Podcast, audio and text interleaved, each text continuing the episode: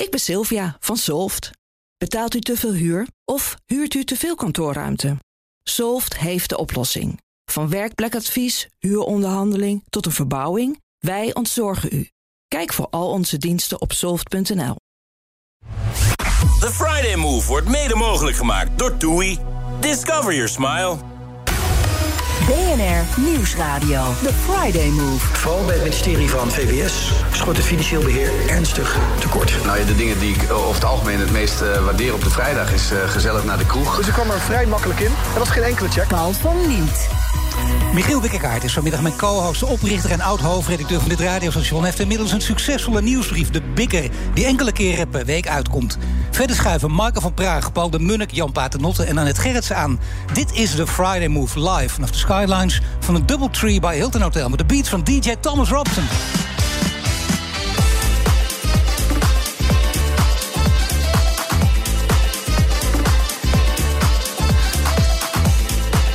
Ja, zijn nieuwsbrief heet De Bikker. Hij, noemt zich, hij noemde het wandelende bewijs dat je met deze nieuwe vorm van journalistiek geld kunt verdienen.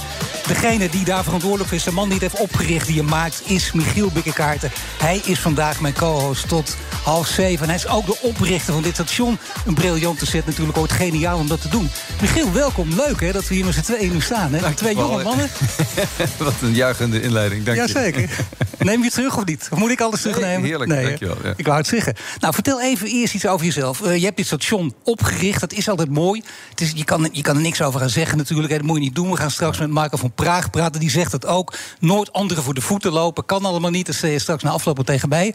Maar nu eventjes gewoon in de uitzending, hè. terug bij BNR. Doet dat iets speciaals of niet? Ja, het is altijd leuk. Altijd een warm nest en uh, altijd fijn om hier te zijn. En ook uh, geweldig om te ontdekken dat het nog precies dezelfde sfeer heeft als... Wat is het, Ja. 21 jaar geleden? Dat Ja. begon, eh, dr- 23 jaar geleden alweer. Maar is een compliment, hè? Precies dezelfde sfeer. Hè? En ik, ben, ik, ben, ik zeg altijd nog steeds, ik ben mede-oprichter. Want, eh, Oh ja, dat is waar. was een Nee, andere netjes. Eigen, ik was maar een klein stukje eigenaar en er waren een heleboel mensen. Voor mij is het uh, Michiel Hier. Bikkerkaart, hè? NBC, hè? Nou, nee, oké. Maar Oké, je bent terug hier, dat is mooi. Eh, je doet meer ook voor uh, BNN Nieuwsradio. Mensen die naar podcast luisteren, ook bij nader inzien. Daar gaan we het straks misschien ook nog even over hebben. Maar eh, je maakt ook die nieuwsbrief, doe je al een tijdje. Eerst dagelijks, nu een paar keer per week, de bikker. En er zijn mensen die ik nog niet kennen en dat is echt zonde. Die moeten toch even gaan kijken. Vertel me wat het is. de bikker, de naam komt, is, was mijn bijnaam bij BNR. Ja. Daar komt de bikker weer aan, jongens. Uitkijken. Ja. Maar eh, dat is een beetje als grapje begonnen. Maar het is wel een heel serieus idee. Kijk, nieuwsbrieven zijn een beetje wat podcasts eh, nu zijn. Eh, het, het, het snoepje du jour. een nieuwe manier waarin de journalistiek zichzelf giet. Ik ben ermee begonnen met het idee van... ik wil mijn ei kwijt. Ik, eh, en ik kan dan wel weer een blog beginnen, maar dat is passief. Dan moet je hopen dat mensen naar jou toe komen. Je kunt ook een nieuwsbrief beginnen. En dan zorgen dat je bij mensen in de brievenbus komt. Dat is stap 1. Eh, stap 2 is, ik kan wel eh, heel eigenwijzerig en wijsneuzerig allerlei dingen gaan opschrijven... en net doen alsof ik ze zelf bedacht heb. Maar dat is meestal niet zo. De meeste journalisten zijn heel goed in het jatten en in het overschrijven van andere ideeën. Als je de krant doorneemt, dan is twee derde tot drie kwart is van andere bronnen. En vaak verwijzen ze niet eens goed, hè? Naar die Toen- bronnen. En, en toen dacht ik, nou, maar dat gaat niet eens. Maar toen dacht ik van, laat ik daar dan gewoon open kaart in spelen. Ik ga een soort van veredelde. eh, ik ga doorgeven wat ik in de wereldpers vind. Wat ik boeiend vind en wat ik nog niet in Nederlandse media heb gezien. Eén. Twee, welke vakgebieden? Dat is dus wetenschap, technologie, gezondheid en geld. Geld is omdat het daar uiteindelijk vaak om draait. Ja. Eh, gez- eh, technologie en wetenschap is omdat daar eigenlijk de nieuwste nieuwigheden op, de- op het gebied van menselijke activiteit gebeuren. En daar word ik altijd een beetje opgewonden van. Ja, nieuws van nieuwigheden. Echt, het gaat heel veel inderdaad over vernieuwing op allerlei gebieden. Ja. Dat is waar. Eh, Het gaat dus niet over doelgroepen en dat soort dingen. Heb je niets mee te maken. Doelgroepen zijn voor adverteerders. Ehm, en ik zei ook bij BNR al, als ze vragen wat is uw doelgroep, dan zei ik altijd van nou dat zijn de mensen die naar BNR luisteren. Punt. U hebt een doelgroep. U bent een adverteerder. U wilt uw product verkopen aan uw doelgroep. En u moet beslissen of die bij BNR zit of niet. Maar dat is niet aan. Wij maken een programmering. Wie zich daartoe aangesproken voelt, die sluit zich aan. En anderen die gaan naar Sky Radio of Ja. naar Radio 1 of wat dan ook. En het gaat echt van mond tot mond. En dat is het grote voordeel. Dat lukt ook. Dat merk je bij jouw nieuwsbrief. Dat merk je al heel lang bij BNR. Gaat bijna vanzelf. Nou, het gaat niet vanzelf. Het, zijn, het is toch iedere keer bij de inspanningen bij BNR van het collectief van mensen dat hier werkt. En bij de nieuwsbrief bij de inspanningen van mij. En inderdaad, als het goed gaat, dan krijg je positieve aanbevelingen. En uh, komen er meer mensen bij. En ik heb dus nu meer dan 6000 abonnees. Waarvan de helft, iedere dag wordt de helft, sorry, de helft van de lezers opent de nieuwsbrief, de open rate. En de click-through rate, dus als ze eenmaal een verhaal hebben gezien waar ze meer van willen weten, dat is uh, 11 dus dat zijn hele respectabele cijfers voor een nieuwsbrief. Dat is heel mooi. Bovendien is het ook aardig, eh, je ziet verschillende onderwerpen, dat zeg je al. Hè, wat jij interessant vindt, je verwijst ook naar die bronnen. Dat gaat over de digitale munt in China, dat kan gaan over, over ufo's ook. En met nadruk niet over vliegende schotels, geen grappen, serieus. maar het gaat, ja, nee, het gaat over alles. Het gaat natuurlijk ook over internationale media, vind ik ook altijd mooi. Maar daar gaan we straks eens over praten. Ik wil eerst eventjes, vind ik toch wel leuk, je doet af en toe ook aan voorspellen. Dat ben je misschien wel vergeten. Ik, weet je? Ja, ja, jij. Oeh, vertel. Ja, we zijn ver teruggegaan. In 2003, wat je toen gezegd hebt. Ik dacht, dat kan niet waar zijn. Er staat er echt Michiel Bikkekaart. Wat zei hij? BNR wordt in de toekomst net zo groot als Radio 1.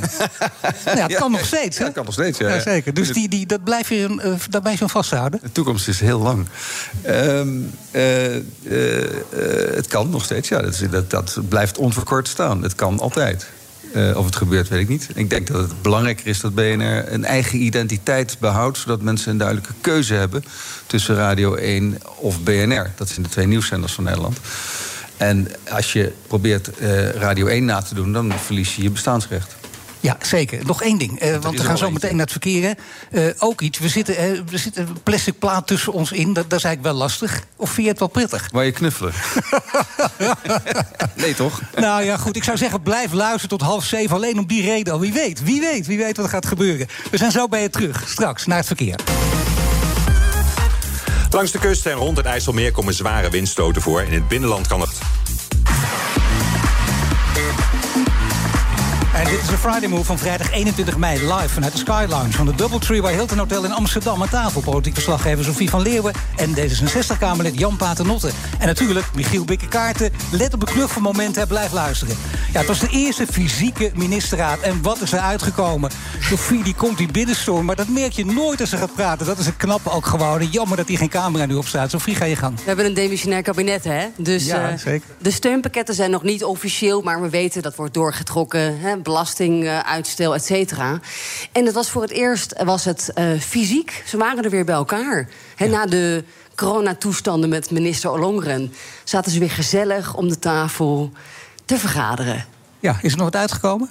Nou ja, niet zoveel dus. Uh, het gaat vooral nu alle ogen op Kaag en Rutte. Want uh, ja. een paar meter verderop, bij Mariette Hamer gaat de formatie door. De hele ja. polder is langs geweest vandaag.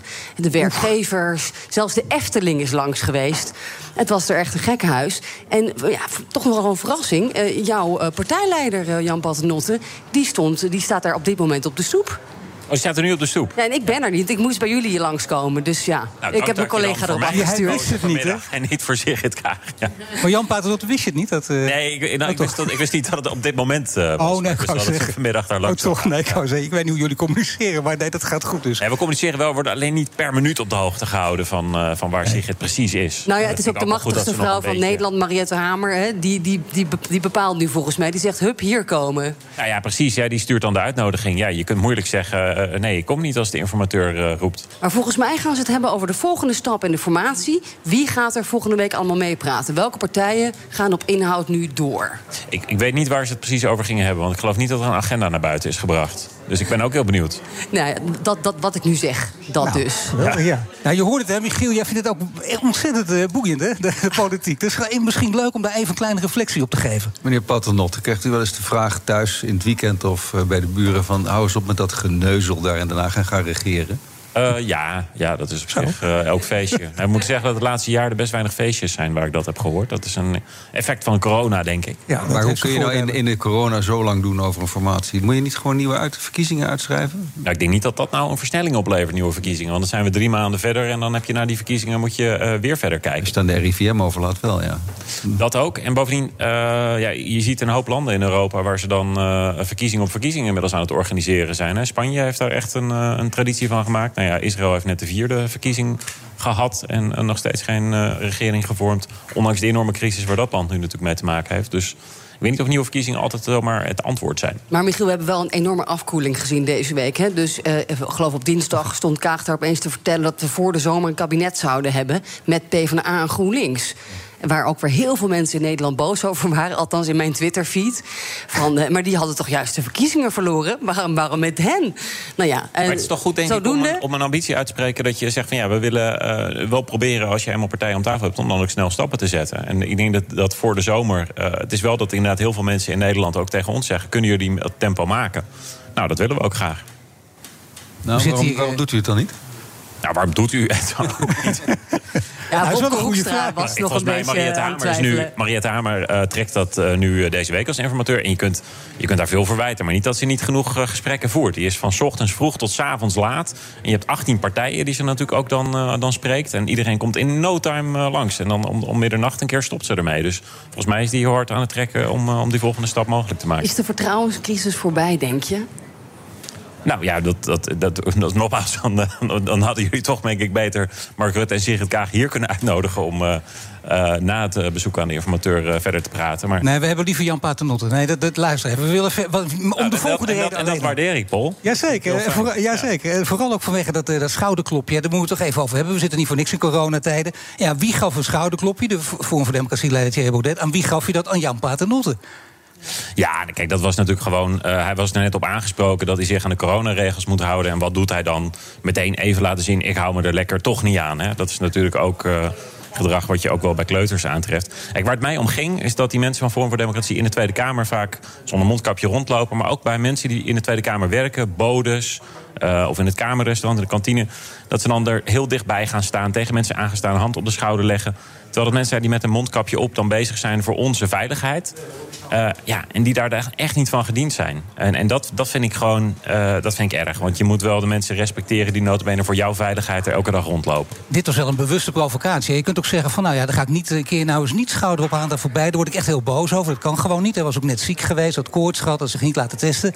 En dan denk je, nou, daar moet ik even iets mee doen. Of dacht je van, nee, dat geeft ook nog meer publiciteit. Was de reden om daar eigenlijk makkelijk aan voorbij te gaan? Nou, ik begrijp er niet. Ik heb er meteen een punt van gemaakt. Alleen ik heb ook wel gezegd dat het voor mij symbool staat voor een veel breder punt. Namelijk dat ze überhaupt niet de, de, de andere kamerbewoners, de medewerkers daar respecteren. En dat ik dat nog net een tikje belangrijker vind dan dat iemand in het voorbijgaan mij even een schouderklop geeft.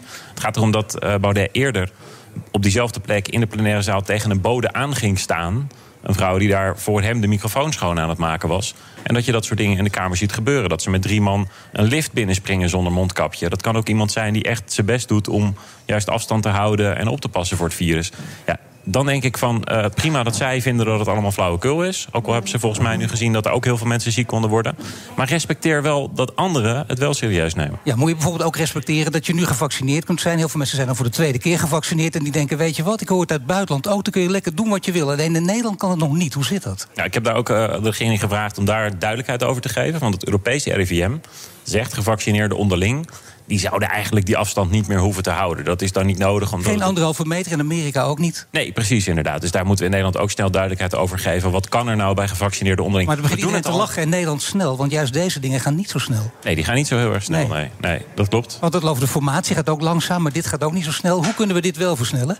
Nou, doordat we. eh, ja, die, we hebben heel vaak dat er internationale adviezen zijn. Of nou van de Wereldgezondheidsorganisatie of het Europese RIVM. ECDC heet het. Niet ACDC, maar E ECDC. heet het Europese ja, RIVM. ECDC. Die hebben dan gewoon heel duidelijk advies.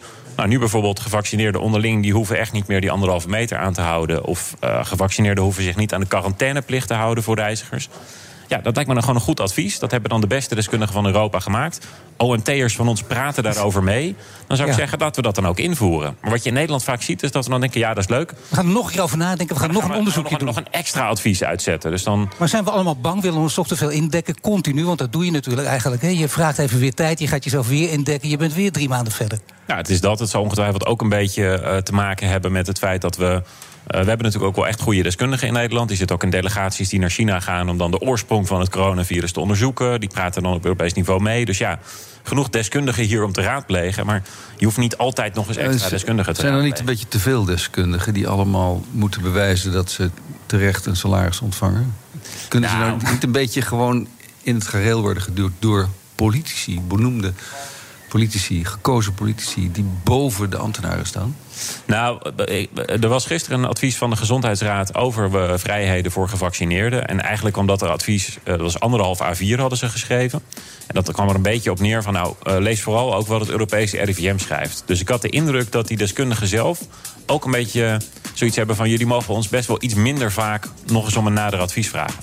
Dankjewel. Nou, dat is geweldig nieuws inderdaad. Zetten de deskundigen dat zelf ook vragen, Nou, dat- alsjeblieft. Dat is, dat, is, dat is even dat is bij een indruk. Hè? Als je het echt Nou, zeker wil kom weten, moet je ze toch nee. weer uitnodigen.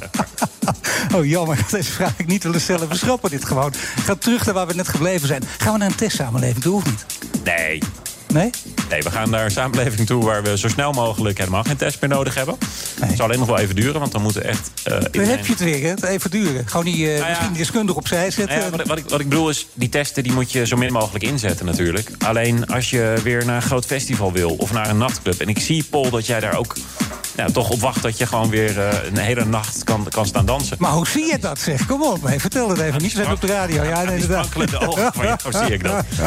Maar dan, ja, dat is helemaal omgevingen. Dat heb je gezien in Europa. Zuid-Korea hadden ze hele grote uitbraken, juist door nachtclubs. Als je daar veilig in wilt, ja, dan moet je wel even checken... of mensen niet het virus mee naar binnen nemen. En Maar zolang nog niet... Mogen we nou wel of niet eh, op reis zonder test? Want dat is volgens mij niet helemaal duidelijk met het coronapaspoort. Nou, wij hebben voorgesteld eh, dat mensen die gevaccineerd zijn zonder die test eh, op reis kunnen. Maar wie dat nog niet is, ja, daar zullen de meeste landen in Europa van zeggen van nou. Dan willen we eigenlijk toch nog wel dat je even een test doet voordat je naar ons toe vliegt. Ja, dus het probleem is nog niet opgelost.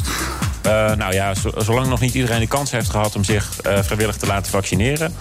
Niet, nee. Want ja, we hebben, niet, we hebben veel minder besmettingen dan een paar weken geleden. Maar het zijn er nog steeds duizenden per dag. Dus we hebben het virus nog niet helemaal achter ons. Ja, de andere landen zijn een beetje bang voor ons, denk ik, hè? Hoe, Ja, Nederland is op die Europese kaart nu samen met Zweden en Letland en nog een paar andere landen. Zijn wij dan de rode vlekken op dit moment? Dus ja, daar kijken landen naar van. We willen heel graag Nederlandse toeristen ontvangen, zeker in Zuid-Europa. We willen alleen wel dat ze zeker weten dat ze niet het virus meenemen. We praten trouwens lekker verder over politiek. Hè. Dat verheug je ook op. Hè. Michiel, ik zie het aan je gewoon. Hè. Jouw sprankelende ogen ook. Je vindt het geweldig. Weet je. je kan niet langer wachten. Die reuze naar mijn zin. ja, we gaan zo meteen verder naar het nieuws. Met natuurlijk Michiel en ook met Sofie en met Jan Paternotte. Mile.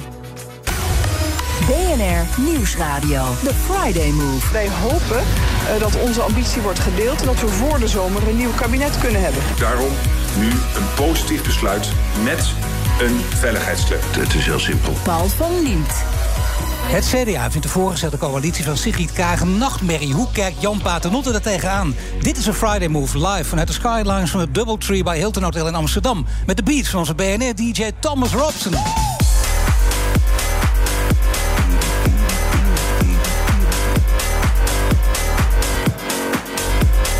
Hier aan tafel politiek verslaggever Sofie van Leeuwen en D66-Kamerlid Jan Paternotte. En natuurlijk mijn co-host Michiel Bikkekaarten. Michiel, jij wil eerst nog even iets vragen. Het enige eh, genderneutrale programma op de, op, de, op de Nederlandse radio. Nou, dat met mag alleen altijd. maar witte mannen.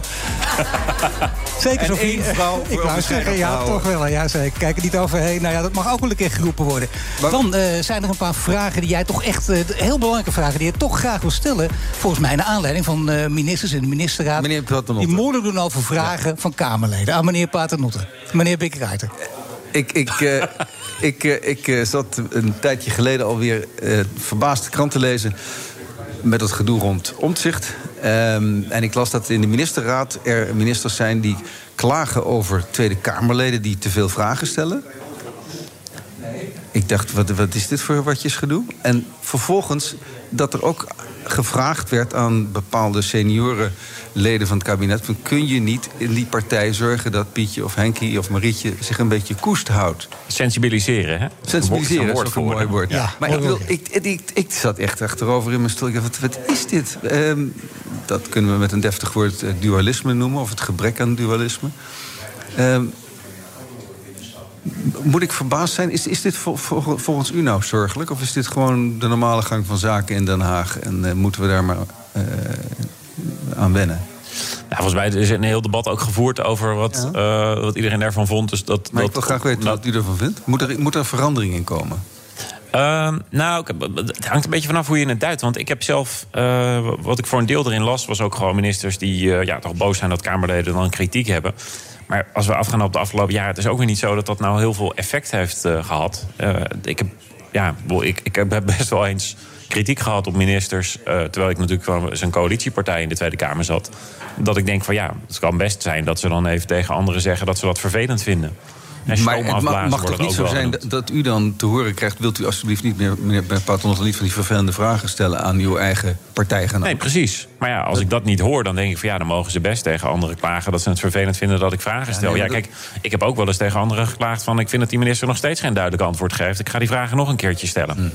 Ja, dat is eh, uiteindelijk. eh, ik denk dat op elke werkvloer eh, mensen eh, wel eens dat het een keertje schuurt. En dat je dan ook eh, even. eh, Nou, niet op elke Dus werkvloer, zegt- maar dat tussen zijn. Nee, Nee, bij BNR natuurlijk niet. Nee, dat is weet zeker ik. niet. Ik niet nodig. Ja, ik bedoel, j- jullie zijn al, lopen al 30 jaar rond natuurlijk bij BNR. En dat gaat, dat gaat nog steeds tussen jullie uitsteken. Maar ik denk dat er wel genoeg plekken zijn waar je toch denkt van... ja, eh, ik, ik wil nu echt informatie hebben en ik, ik krijg het maar niet... en raak daar frustreerd van of andersom. Dat ik denk Michiel, van, hij raakt in de verdediging. hè? ik doe zo mijn best. Maar ben je wel eens gesensibiliseerd? Eh, nou, in ieder geval niet effectief. Ja, dus. Zeg, wie heeft het geprobeerd? Wie heeft het geprobeerd? Ik ben toch wel benieuwd. Ehm, even kijken. Ah, kom ja. op, één Eh, keertje. Dat mogen we best weten. We zitten gezellig bij elkaar. Nu niemand hoort het. Ja, niemand hoort het inderdaad. Nee, ik zou het even goed moeten terughalen. Hij is Eh, toch wel- Rob Jette heeft ook in, de- in het Kamerdebat toen ook wel verteld... dat hij was net eh, Kamerlid geworden. En die had op een gegeven moment kritiek op een, op een staatssecretaris geuit. En die werd toen even gebeld van... joh, je zit bij een partij die eh, regering aan het vormen is. Dat is niet de bedoeling. Dus die gaf daar ook volgens mij een mooi voorbeeld van. eh, daar heeft hij zich trouwens niks van aangetrokken. Hij heeft gewoon toen een debat aangevraagd. Maar ja, dat... dat Nou, je hebt nou dat- flink dat- wat bedenktijd voor jezelf gecreëerd. Maar wie, wie, wat was het dan? eens. Wie heeft u dan gesensibiliseerd? Nee, maar... eh, eh, Mevrouw Kaag, denk ik, hè? Ik denk mevrouw Kaag. Dat kan nee, best nee, maar keer. mevrouw Kaag zeker niet. Nee, Nee, toch niet. Nou, Mevrouw wie dan Kaag wel? niet, dat kan ik je wel, dat kan ik je wel Nou, zeggen. die niet. Nou, er zijn nog een paar over. Ja, we kunnen... Nog even, even, ja, nog één keer, nou hou ik erover op. Maar is er volgens u een probleem, een gebrek aan dualisme?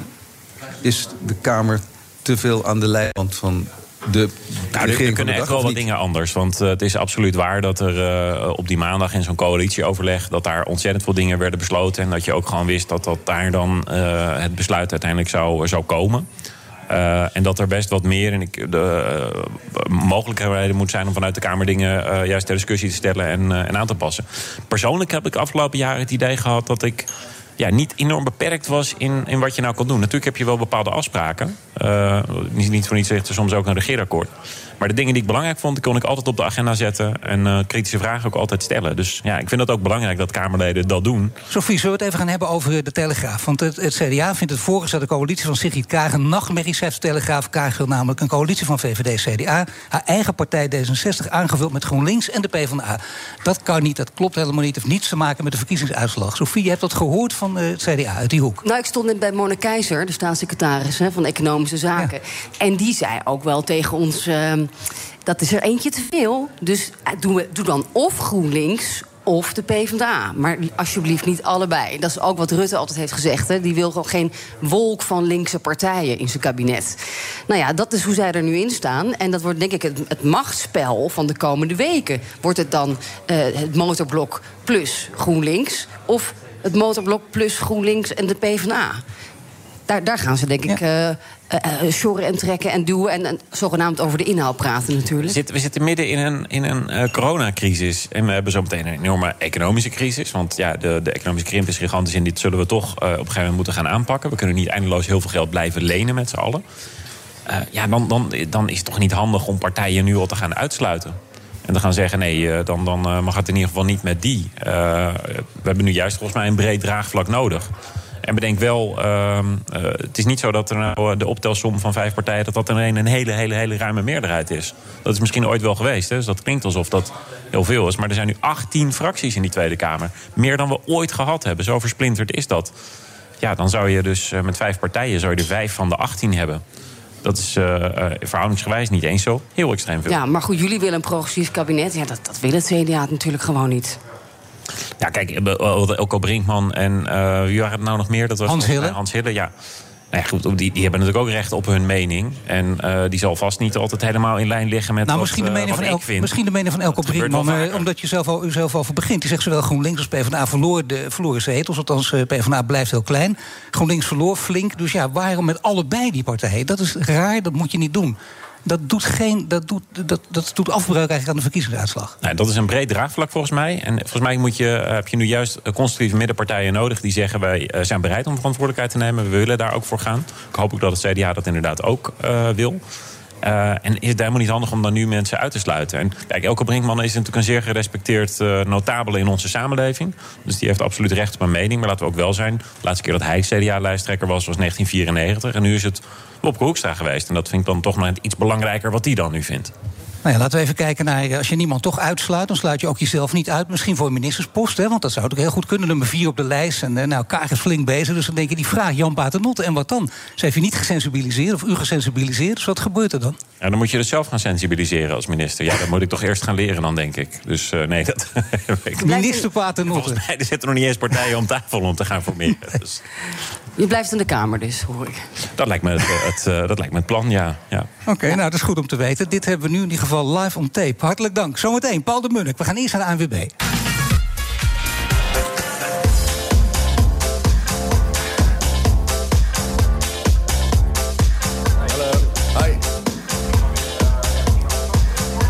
Luisteren naar de Friday Move van tafel Paul de Munnik. Door een menigte van mensen en toch allemaal keurig op anderhalve meter afstand hier. Natuurlijk ook mijn co-host is het nog steeds Michiel Bikkekaarten. Ja, en uh, Paul de Munnik, ja zeker, hij krijgt van alles aangeboden en zo. Iedereen spreekt hem aan. En dan moet je ook nog vragen beantwoorden. Zoveel kabels hebben Ja, en een microfoon dat is ook helemaal nieuw voor hem. Een koptelefoon, weet je, de Munnik. Het is echt iets helemaal anders aan de hand. Ja, nog dichterbij, oh, nog dichterbij de microfoon. Komt helemaal goed, mensen. Ja, gek is dat ook. Ja. Hij is helemaal schoongemaakt. Nou, die, van harte, die, van harte gewassen en gestoomd en alles. Heerlijk, en dat zo snel. Ja, nee, ja, allemaal. Knap. knap. De Munnik, eh, laten we even zeggen, een, een, reeks mooie interviews gegeven afgelopen week. Wil ik toch even zeggen, en eentje sprak, sprong er wel uit, wat mij betreft in Trouw. Ja. Dat is echt goed, hè? Ik bedoel, uh, Arjan Vis heeft dat gemaakt. Er stond van alles in. Dat was een mooie, uh, mooie, mooie, mooie interview, ja. Erg openhartig. Ja, ja, zeker. Mag ik een paar dingetjes toch even, voor mensen die niet gelezen hebben. Het is, het is heel duidelijk. Je was erg openhartig door te roepen. Ook, ik, ik heb veel gelogen in mijn leven. Ah. Je gaf daar hele mooie redenen voor waarom je het allemaal gedaan hebt. Uiteindelijk zeg je, ik doe het niet meer. Dan dacht ik, het is wel fijn als je hier komt. Je wil alleen maar eerlijk zijn. Uh, ja, tot op zekere hoogte. ik, ik, nee, ja, goed, ik bescherm mijn, mijn, mijn, mijn, mijn naasten en mijn privéleven. Maar voor de rest, uh, ja, heb ik dat op een gegeven moment besloten in mijn leven, ja dit derde soloalbum, wat je nu gemaakt hebt, ook uh, met, ik zou bijna zeggen, logische naam 3.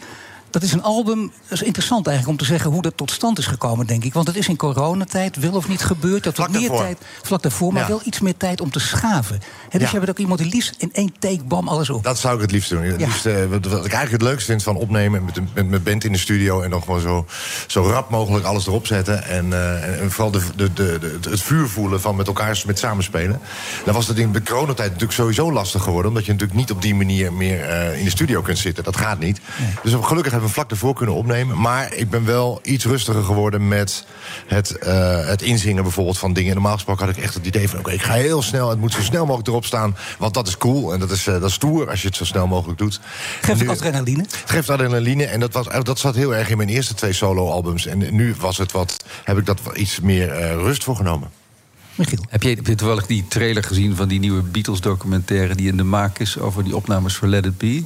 Ja, ik heb daar wel iets over gezien, maar Het is een, nee, het is een vijf minuten trailertje, Ja. maar het eindeloze doorpielen in de studio... Ja, van een nieuwe ja. instrumenten, nieuwe stem, maar je hebt het niet gezien. Dus, Nee, ja, goed, maar ik weet het. Ik weet dat, dat, dat, dat het zo eh, Als je- als je- helemaal zei. Helemaal de Beatles was op een gegeven moment een studio, een studioband geworden.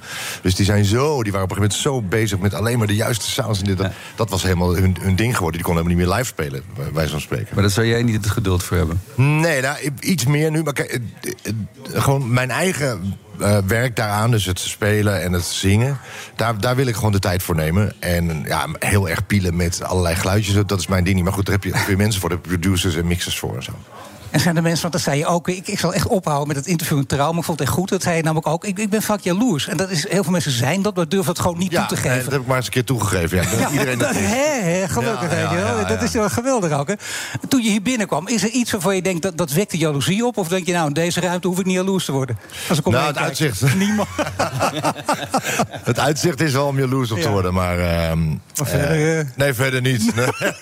verder niet hoor, nee, nee, nee. Nee, het is mooi dat je, dat je je nu weer gewoon je werk kan doen. En meer kan gaan doen, waarschijnlijk ook theaters in kan gaan. Ben je dat ook van plan nu? Hè? De, echt, de echte artiest wil ook met publiek optreden. Ja, dat hebben we natuurlijk heel erg gemist. Ja, dat, is, dat is een herhaald verhaal, dat hoor je natuurlijk iedereen zeggen. We, we missen het publiek zo, maar dat is echt waar. En ik heb vorig jaar zomer nog wel kunnen spelen, gelukkig. Toen waren even de theaters open.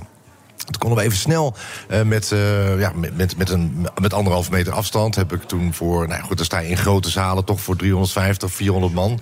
Kon je kon nog opeens spelen. Dus dat was natuurlijk echt wel te gek. En dan heb ik juli, augustus, half september echt kunnen spelen. En buiten, een paar buitendingen. En toen werd alles natuurlijk weer stil. En toen ging alles weer dicht.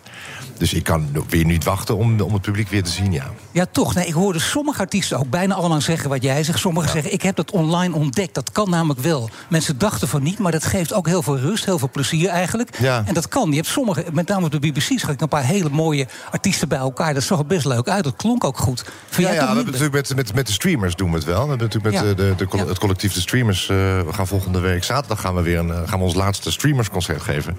En dat is wel heel erg leuk. En, maar dan haal je natuurlijk ook heel veel energie uit elkaar. En van het van gewoon ja, van de- bijna de, de, het jongensboek wat je aan het maken bent met z'n allen. Van we gaan, we gaan dit gewoon doen. We hebben gewoon scheid aan dat hele gedoe. We gaan gewoon spelen en we hebben gewoon lol met z'n Ja, en ook scheidt aan die anderhalve meter en dan alles dan gewoon. Nou, dan worden we natuurlijk wel getest. Oh, dan worden we ja, natuurlijk nee, wel getest en alles. Ja, ja, ja, ja, Oh, nee, natuurlijk. Nee, nee, het zeggen. Anders nee, kom je daar niet mee oh, weg. Nee, dan kom je daar niet mee weg. Nee, nee, nee, nee, nee, nee. nee. Michiel, als jij dit hoort, Paul de Munnik, hè, je weet de grote naam, hè, gewoon een, een legende ongeveer. Hè?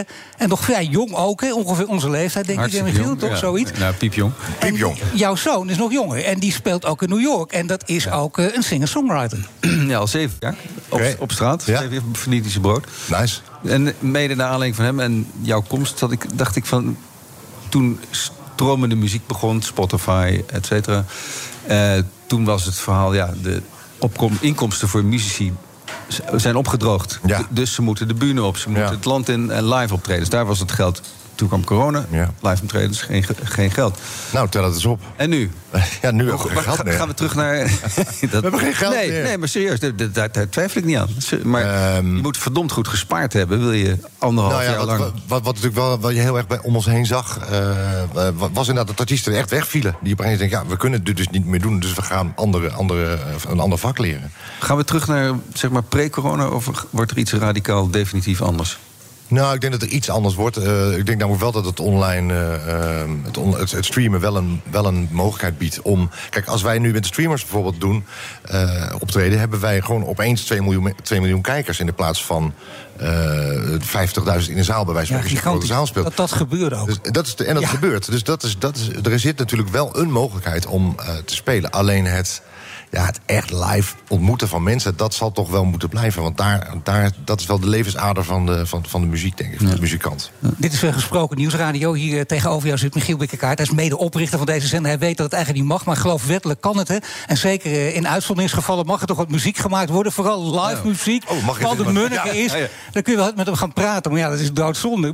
Ja. Ja. kijk eens even. Wordt er, wordt er een zo- uitzondering gemaakt voor mij? Oh, wacht Wij even. maken Oh, nu een uitzondering. sorry. Ik moet, een, ik, wet moet, ik moet toch een capo hebben. Die zit in mijn, mijn gitaarkoffer. Ja, maar dat is heel leuk om dit even mee te maken. Ja, wie heb je meegenomen? Ja, Edwin is mijn, is mijn, eh, is mijn manager.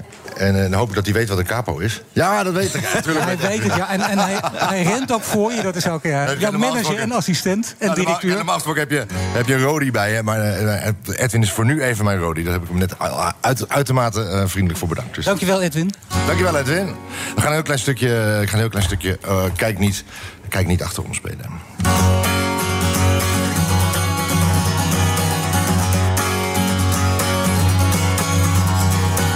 Kijk niet achterom. Laat een wereld achter, kijk niet achterom. Laat wat je al bedacht had varen. Laat het waaien in de wind. Kijk niet achterom. Waarom nog langer wachten? Kijk niet achterom. Vergeet de macht van de bezwaren. Die al je hele leven bindt. Vergeet wat ze je wilden leren. Wees zo onbevangen als een kind. Je hoeft het niet te vinden, want je bent het nooit verloren. Vrijheid zit van binnen, je zult het Je hoeft het niet te zoeken, want je hebt het in je handen. Je hoeft niet te beginnen, je bent er al. Je bent er al.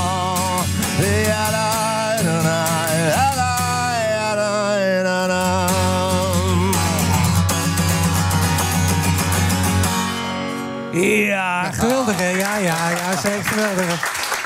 Zo, we hebben thuis wat te vertellen. We hebben even vlak meegemaakt van dichtbij Paul de Munnik... die hier voor ons speelt. BNN Nieuwsradio. U luistert echt naar onze Friday Move, jazeker. Nou, Michiel, heel mooi, toch, of niet? Was ik maar een muziekzender begonnen. Ja, ja. Je kan nog, het kan nog. Nog één. Er kunnen geen genoeg muziekzenders zijn, denk ik altijd. Ja, dat is waar. Je merkt wel dat die artiesten... eh, we gaan straks met de museumdirecteur praten. eh Anne Meester van, eh zij is van het Frans Hals Museum in, in Haarlem. En die vindt het ook eigenlijk te gek en zo. Er zijn alle mogelijkheden. We kunnen hier, je kan naar de musea komen, kijk naar het buitenland. Wij zijn in de creatieve sector, zegt ze, zijn we te netjes, te keurig. Herken je dat ook een beetje? Maar dat iedereen binnen, de, binnen zijn grenzen blijft of zo. Ja, dat is eigenlijk niet durven, niet met de vuist op tafel durven slaan. Want iedereen Ja, ik vind dat, dat we bij, dat we bij ehm, ehm, in de podium, eh, eh, het podiumgebeuren hebben we het wel gedaan. Iedereen is toch gaan proberen. Oké, dan gaan we andere dingen doen. Je hebt bij, bij de ehm, toneelgezelschappen hebben één op één eh, voorstellingen zijn gaan, gaan, gaan, gaan, eh, gaan maken. En, dus het is echt wel gebeurd. Alleen vanuit wat er gebeurt, en eh, daar zal dit ook wel ongetwijfeld niet de radio over zijn, maar dat ga ik toch even zeggen. Vanuit, de, vanuit, de, vanuit, de, vanuit het kabinet, vanuit de regering, wordt er toch een, op een hele rare manier tegen de cultuur aangekeken. Want het is gewoon, ja, dat, dat moet ook gebeuren. Maar ja, dat, dat, dat moeten. Weet je, de opmerking, dan zetten de mensen thuis maar een dvd'tje op, is natuurlijk een verschrikkelijke opmerking. Ja. Over, over, om de te zeggen over podium, eh, podium ja, van Hugo de Jong, over podium, po- podiumkunst. Dat is natuurlijk verschrikkelijk. Dat is de dood in de pot natuurlijk. Nou ja, het ging zelfs over het woord minachting werd ook gebruikt. Ja, was dat is het. Over kunst gaat, is het ook. Maar ik bedoel, als je dan geminacht wordt, dan denk je, nou, nu is het moment om misschien wel tegen de regels in te gaan of niet. Ehm, maar tegen de regels, ja, kijk, wat, wat, wat je probeert is toch iets te vinden om bij de mensen te komen. We hebben dat met de streamers dus nu weer gedaan. Je, je zoekt naar de mogelijkheden om het wel te doen. Maar het moet natuurlijk wel vanuit, eh, van, vanuit een, een land en vanuit een, vanuit een cultuur moet, het wel moet je wel geholpen worden of zo met z'n allen. Want anders, ja, dan gaat het gewoon. En wij zitten al in een hoekje dat mensen denken, ja, dat zijn al mensen die, die hebben of te veel geld, of ze vragen alleen maar geld, of het kost alleen maar geld. Dus het is, en dat is best ingewikkeld, want zoals ook musea, maar ook inderdaad de podiumkunsten en alle kunsten. eh, dat, het is zo belangrijk om, dat, om, die, om die cultuur in, in, in het land eh, goed te Maar houden. heb je wel afspraken gemaakt? Ik bedoel, nu al over twee, drie maanden, vier maanden misschien wel... dat je zegt, het moet gewoon doorgaan. Dat is ons ook ongeveer beloofd. Ik kijk Ja, naar het. Ik ga, ik ga weer spelen. Ik ga vanaf september eh, ga ik weer, ga ik weer de zalen in. Oh ja? En als het niet mag dan, van Hugo de Jong? Ja, nou, dan, ja, dan heb je een probleem, want dan gaan de zalen gaan niet mee. Dus die gaan dat gewoon dan niet doen. Dus je kunt, dan kun je op je kop gaan staan, maar dan, dan, dan ja, je kan moeilijk bij een theater aankomen en dan toch proberen de deur open te doen. Want dit, dit is niet open. Dus heb jij het grote voordeel dat je wel je derde album hebt uitgebracht op een Ja. andere manier. Dus ook daar ben je heel blij mee. Dat is mooi gedaan. Drie, ook een geweldige titel dus. Ja. Eh, je zegt het is nieuw voor jou ook. Hè, eh, ook eh, met fine-tunen alles gedaan. Ben jij, vind je jezelf iemand die zich voor de zoveelste keer herontdekt heeft? Om het woord toch maar even te gebruiken. Opnieuw nou, dat probeer je eigenlijk toch elke keer weer, denk ik. Eh, Als je, als je nieuw werk gaat maken, probeer je jezelf toch weer eh, binnenste buiten te keren. En ik ben nu op een plek aangekomen met het album 3, waarvan ik denk: oh ja, nou, dit is wel ongeveer waar ik nu zou willen zijn. en waar ik de komende jaren wel kan verblijven of zo. Je houdt van muziek, hou je ook van voetbal? Zeker. Wat vind je van Marco van Praag? Eh Michael van Praag is een hele grote bestuurder. Een, eh, een, een echt Ajaxiet. Dus dat is, eh, is heel- tegen, tegen mijn Feyenoord hard aan, maar het is... eh, Oh, dat is waar, ja, precies. Netjes dat je dit toch durft te zeggen. Zometeen praten we verder natuurlijk met Marco van Praag. We hebben al een heel mooi boek over hem geschreven. Paul de Munnik, hartelijk dank voor je komst. Dank. Zometeen, tot zo. Dank jullie wel. The Friday Move wordt mede mogelijk gemaakt door TUI. Discover your smile. BNR Nieuwsradio. The Friday Move. Vooral bij het ministerie van VWS schort het financieel beheer ernstig tekort. Nou ja, de dingen die ik eh, over het algemeen het meest eh, waardeer op de vrijdag is eh, gezellig naar de kroeg. Dus ik kwam er vrij makkelijk in. Er was geen enkele check. Paul van Liemt. De oprichter en voormalig hoofdredacteur van dit station, Michiel Bikkekaart, is tot half zeven mijn co-host. Hij bracht Ajax naar de top. Hij leidde elf jaar de KNVB. Hij trouwde maar liefst vijf keer. Michael van Praag is zo te gast om te praten over zijn biografie. Dit is de Friday Move vanuit de Sky Lounge van het Doubletree bij Hilton Hotel... met de beats van DJ Thomas Robson.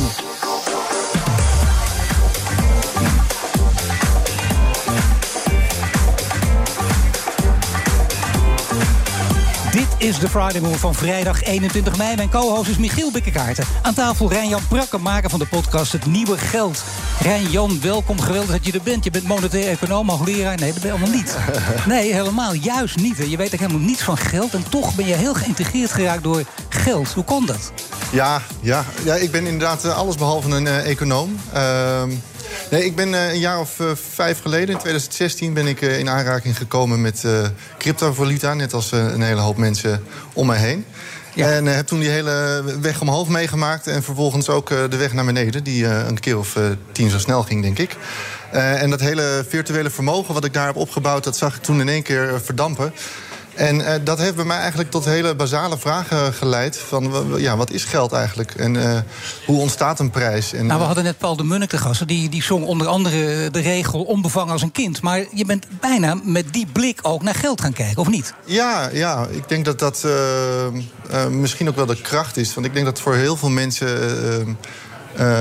ja, geld iets, iets heel erg ontastbaar is, hoewel we het elke dag gebruiken.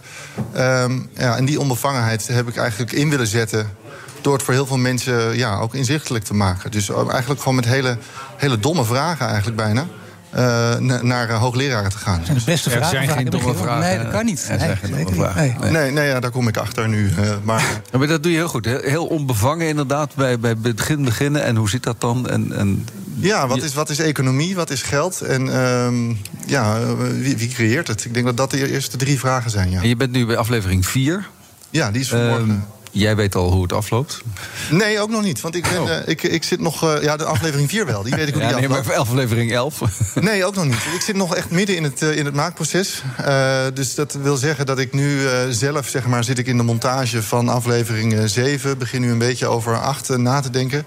En nee, ik zit er nog middenin. Dus ik ben nog, nog steeds ook mijn blik aan het verruimen. Dus als ik jou nu vraag van wat is geld, dan zeg je, weet ik nog niet. Nou ja, ik heb ongeveer een aflevering uh, nodig om, om daar tot een soort van antwoord te komen. Dus uh, dat zo, zo makkelijk samenvatten, dat vind ik heel lastig. Nou, laten we die van vanochtend er wel even bij pakken. Want die is vanochtend inderdaad, uh, laten we zeggen, gepubliceerd. Ja, dat klinkt ja. het meest chic, hè? Ja. Dat is gebeurd. En dat begint keihard. Echt heel hard, ook voor jou. En dat is, je wordt meteen daardoor in het verhaal getrokken ook. Het gaat over je ouders. Jullie verhuizen op een mooie leeftijd voor jou. Je bent een jaar of 15. Jullie verhuizen naar een herenhuis in Zwolle. En dan denk je, prachtig en mooi en zo. Want als je dan iets ouder wordt, dan kun je echt kruipen naar huis. Als het een feestje is uitgelopen. En als je jong bent, je kan naar school lopen. Alles leuk, koek en ei. Tot, en daar komt het verschrikkelijke woord, de naheffing. Van de architect, van de aannemer. En mag ik het even plat zeggen, dan ben je totaal de lul. Ouders ook in de war. Het, het doet iets met de sfeer daarom, maar het is zacht uit te drukken. Ja, dat is zeker waar. Uh, mijn ouders zijn toen in, in, uh, ja, toch wel diep in de schulden geraakt. Uh, waarbij ze uiteindelijk hebben moeten lenen bij vrienden en familie. En om het hoofd boven water te houden. Uh, uh, hypotheken oversluiten, hogere rentes, dat soort dingen. En um, ook al proberen ze je heel erg te beschermen daarvoor... je krijgt dat als kind toch mee. En zeker ook als er dan spanningen ontstaan... Uh, ja, je, je, gaat je als kind toch ook een soort rol toe-eigenen... waarbij je ja, ook probeert ja, te sussen of zo. Je probeert, je probeert iets aan te doen, je probeert een oplossing te zoeken. En ik, ik zag dat heel erg in... Uh, proberen te gaan praten. En uh, nou ja, zodoende krijg je dan een beeld van de, dan, van de hele malaise eigenlijk. En, nou ja, dan ga je over schulden en schuldenproblematiek nadenken ook. En dan wil je echt daarin gaan verdiepen. En de mensen die nog niet gehoord hebben, je hoeft niet alles te gaan verklappen natuurlijk, maar misschien iets verder. Want dit is de aanzet, die is bijna traumatisch zou ik zeggen, als je dat meemaakt. Maar wat gaat er daarna gebeuren? Nou, kijk, wat ik, wat ik probeer te doen met deze podcast uh, is... ik probeer hele afstandelijke thema's, zoals een schuldenberg, probeer ik het beginnen bij, uh, op, op een heel klein niveau. En dat begint bijna daardoor altijd bij mezelf. Dus ik probeer altijd een persoonlijk uh, verhaal te verzinnen rondom een thema. Of te verzinnen, ja, en waar gebeurde dingen, maar je snapt wat ik bedoel. Zeker. En ik denk dat dat in zoverre uh, een krachtig instrument is. Omdat je daarmee ook laat zien dat een, achter elke schuld een persoonlijk verhaal gaat. En dat maakt het ietsje, ietsje urgenter, denk ik. Ja, het gekke is, er wordt heel goed naar geluisterd. En Michiel, het valt echt op. En je denkt, uh, wacht even, je hebt een hele andere achtergrond. Je weet er niets van, je hebt uitgelegd hoe het zit. Heb je enig idee hoe dit kan? Nou, nee, ja, nee dat, dat vind ik lastig. Ik heb natuurlijk wel de hoop gehad dat dit zou gebeuren... maar dit kon ik ook niet eh, in mijn stoutste dromen niet, niet, eh, niet voorstellen. Maar ja, ik heb het idee dat het wel eh, te maken zou kunnen hebben... met het feit dat het zo persoonlijk is, denk ik. Dat dat voor heel veel mensen herkenbaar is... en dat heel veel mensen zich ook herkennen in het stellen van de vragen. En de onderwerp. En de onderwerp, ja. Het onderwerp geld. En als jij daar antwoord op kan geven. Wij wachten in spanning af. Want wat is Ja. geld nu in een minuut of 30 Nou, ik, ik denk dat geld in de kern uiteindelijk gewoon een afspraak is tussen mensen. Tussen een grote groep mensen. En eh, ondertussen kan je daar wel weer een hele hoop eigenschappen aan, eh, aan hangen. Maar eh, ja. En, en dus is, ligt daarin ook het antwoord op de vraag... hoe moet dat met die schuldenberg? Want als er vertrouwen is onderling... dan kun je ook op een gegeven moment zeggen... die schuld is er opeens niet meer. Ja, maar daar ga jij Ren-Jan nog niks over verklappen. Dat weten we pas na aflevering 11 en zo. Dan blijven we naar luisteren. Het nieuwe geld, Ren-Jan Prakke, dankjewel. 9. Dit is The Friday Move vanuit de Skylines van het Doubletree bij Hilton Hotel aan tafel Marco van Praag. Biografie geschreven door Willem Vissers en die heet Achter de coulissen van het voetbal. Welkom, meneer van Praag. Hartelijk dank. Ja, geweldig ook. Hè? Het is eh, een, een goede journalist, mag je zeggen. Een goed schrijvende journalist ook, Willem Vissers. Eh, iedereen die een beetje in de sportwereld zit, kent hem ook. Eh, heel blij ook, want je kunt soms ook schrikken hè, als het terugkomt. Want u heeft veel persoonlijke dingen verteld in het verhaal. Ja. Dat was eigenlijk niet de bedoeling. Ik wilde eerst een voetbalboek schrijven. Omdat ik zo vreselijk veel heb meegemaakt. En toen kwam ik met Willem in contact. Toen zei hij, ja, maar wacht even. Dat wil ik niet alleen. Het moet ook over jou gaan. Over je jeugd. Over hoe je denkt. Je hobby's, je vrienden. Er moeten ook anderen aan meedoen. En daardoor is het geworden wat het geworden is. Maar het kan confronterend zijn. Hè? Het is behoorlijk eerlijk. Het, begint bijna met kippenvel ook. Je dochter Nicolien, je vrouw Yvonne, die zeggen hele mooie dingen. En normaal denk je dan, oh, dat, dat zijn aardige dingen, is een beetje geslijmd. Dat is het niet. Het, is, het komt er hard aan, er is lang over nagedacht. Ook door de schrijver, ook door je vrouw, je dochter. Zo mooi, zo mooi krijg je het niet meer voor je kiezen. Het, is, het klinkt heel goed, ja. Ja, ja eens. Ja, nou ja, ja, weet Je hebt ze niet als je zo, Nee, kijk, als je zo'n boek schrijft, dan moet je ook eerlijk zijn. Ja. Je moet ook kritisch naar jezelf zijn. En je moet ook open zijn. Als je dingen gaat, eh, gaat verzwijgen of zo. Ja, dan, krijgen de, dan vind ik het ook vals. Dan krijgen de Nou, ik mensen las, ook niet nou, een, ik eh, las wel één dingetje bij de tips voor bestuurders. En toen dacht ik, oh jee, praat nooit in de media over anderen. Ja. Nou, dat heb ik ook eh, 32 jaar niet gedaan. Nee.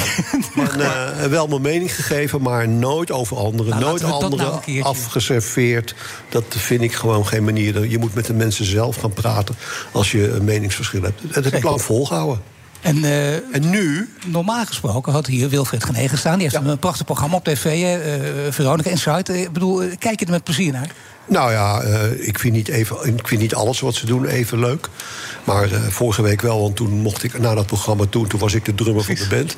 Dus dat vond ik zelf een hoogtepunt van het jaar. Maar eh, nee, ik ben heel goed met Wilfred. En ik mag zijn manier van, van ondervragen, is het soms, mag ik wel. Mag ik even een opsomming maken van het CV? 14 jaar voorzitter van Ajax, moet ook bijgezet. 95, hè, Champions League gewonnen, 96, finale. In zekere zin had je misschien wel moeten winnen... als ik goed de andere tijden sport heb gekeken. Want Juventus, waar ze nou wel of niet gedrogeerd? Daar gaan we het niet over hebben. Daarna 10 jaar voorzitter van de KNVB... en al ruim 10 jaar lid van het UEFA-bestuur. Dat is natuurlijk waanzinnig. Hele mooie carrière. Bestuurders komen eh, in posities terecht... waar anderen nooit terecht in kunnen komen. Je kunt inderdaad letterlijk achter die coulissen kijken. Dat is fantastisch. En toch, het is ook altijd een wereld van, van machtspelletjes. Je moet er tegen bestand zijn. Je moet ontzettend op eieren kunnen lopen. Voelsprieten daarvoor hebben. Is het, is het prettig om uiteindelijk van die wereld verlost te zijn? Of zeg je, als ze mij de kans geven, blijf ik er nog tien jaar Nee, ik blijf er niet nog tien jaar zitten, want ik vind het lang genoeg. Maar ik heb wel een heel bevrijdend gevoel. Want ik kan voor het eerst in 32 jaar nu eens echt zeggen wat ik zelf vind. En daar zitten we nu echt op te wachten. Dat... Ja, omdat je, nou, nee, dat is zo. Omdat je altijd moet, het verhaal moet vertellen van de organisatie waar je voor staat. Nee. En dat, dat moet je doen, want je hebt een bestuur, er is een meerderheid van stemming. Ik heb heel vaak dingen lopen verdedigen waar ik het zelf helemaal niet mee eens was. Maar de vragen maar dat is mij op wel de je lot. De vragen branden mij op de lip, want ik weet nu Nou, dat ik een eerlijk antwoord krijg van u.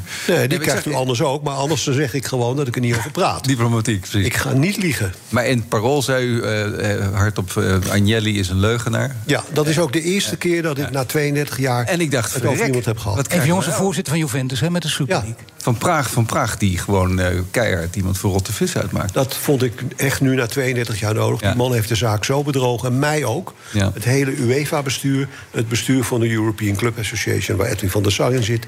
Ja, dit kent zijn weergaan niet. Is er nog iemand anders die u graag nog even Nee, hoor, een nee, de nee, die zijn, nee, die zijn er niet. Maar, maar dit was met die, met die Super League en de manier waarop dat gegaan is... zo schandalig Ja. dat ik voelde mij ongelooflijk in de maling genomen. En de voorzitter van de UEFA nog meer. Ik heb een serieuze vraag voor u. Mag het Ja, wel? natuurlijk, ja, zeker. Ehm, eh, voetbal en geld is, blijft moeizaam. Daar kunnen we eindeloos over doorpraten.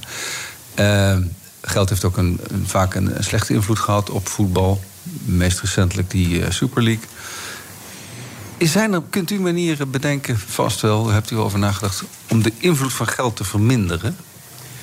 Nou, dat is lastig, omdat namelijk. ehm, ik heb het zelf ook geprobeerd met clubs. Het probleem met de grote clubs, want daar, hebben we het dan over.